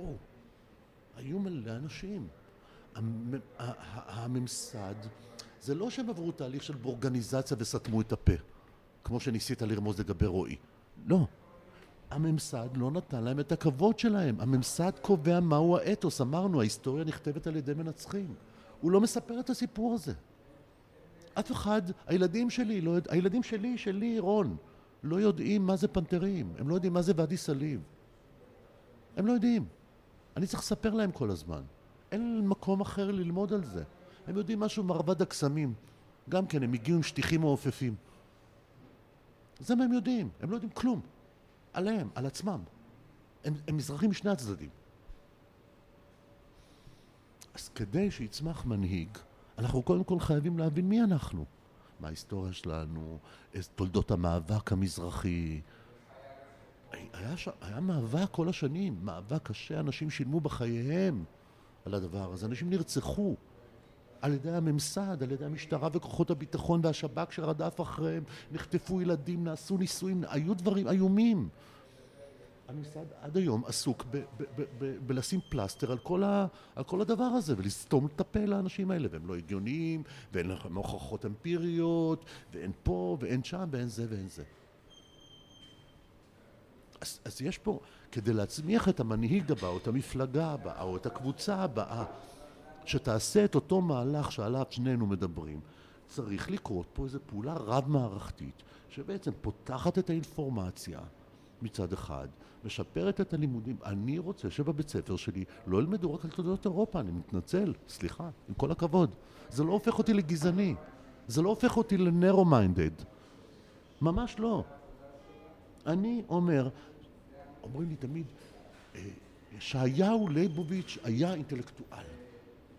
הוא היה אסטרונום, הוא היה, הוא ד- דתי, הוא היה פיזיקה, הוא היה מתמטיקה, הוא היה זה, הוא היה זה, הוא היה זה. אני אומר, סליחה, על המזרח הוא ידע? אם אתה לא יודע על המזרח, איך אתה, איך, איך אתה מוגדר כאינטלקטואל? אינטלקטואל זה אחד שחובק את הכל. זאת אומרת, היכולת של המזרחי להיות אינטלקטואל, זה שמכיר גם את זה וגם את זה, היא הרבה יותר גדולה. אבל הוא לא מסומן כאינטלקטואל. כי אם אתה לא יודע צ'כוב או מאיר שלו, אז אתה לא אינטלקטואל.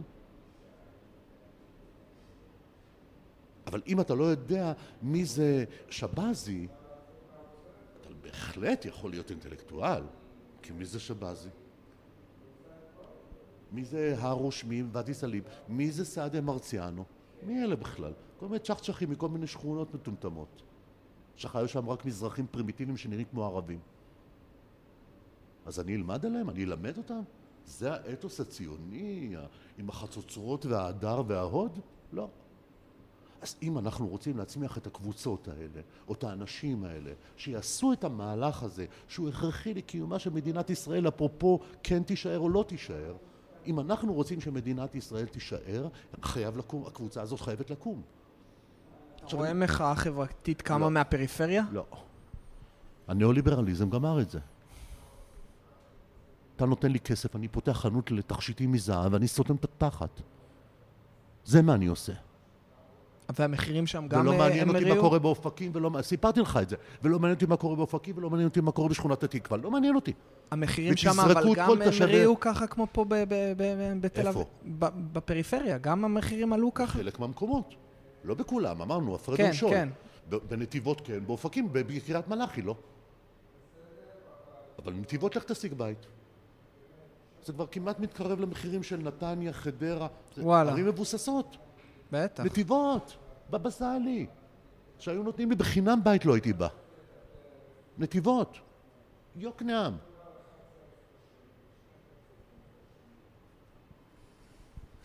כאילו צריכה להיות פה פעולה כל כך גדולה כדי שתקום אותה קבוצה או אותו מנהיג או אותה אידיאולוגיה. שאתה אומר, אוקיי, זה לא יקרה. לכן אולי הסיכוי הוא שזה יבוא מבחוץ. שיבוא איזה אחד כמו הפרסי הזה, כמו האיראני הזה שראיתי ב-NYU, יבוא איזה אחד כזה שספג את התורות הנכונות, את הראייה הרוחבית, האנושית, שמסתכלת על כל האנשים באופן שווה ו- וכולי וכולי, ויבוא והוא, והוא יעשה את המהלך הזה. כי איך שיטה כל כך רקובה, מדכאנית ומבאסת, יכולה להצמיח מישהו כזה?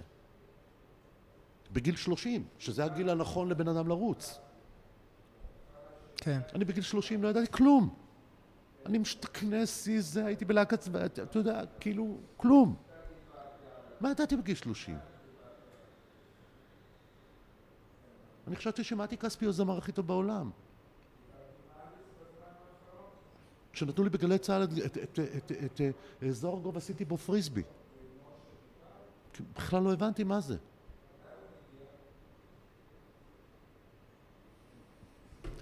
טוב, רון כחלילי, היה לי כיף, אחי.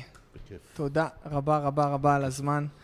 בכיף. חברים. או, דיברנו מלא. דיברנו מלא. Uh, חברים, אם אהבתם את השיחה, אם אתם רוצים לראות עוד שיחות עם אנשים מעניינים, אה, אני מבקש שתשקלו לתמוך בפרויקט הזה בפטריון. הכתובת נמצאת כאן למטה על המסך, patreon.com/וקנין ליאור. זה מה שיעזור לי להמשיך את הפרויקט הזה, להביא עוד דמויות ואנשים שאתם לא בדרך כלל שומעים עליהם ביום-יום, אה, בטח לא בעוצמה ובאינטנסיביות, ב- באורך של אה, רעיון מהסוג הזה. ו... וזהו, תודה רבה לכולם ותודה לרון. להתראות.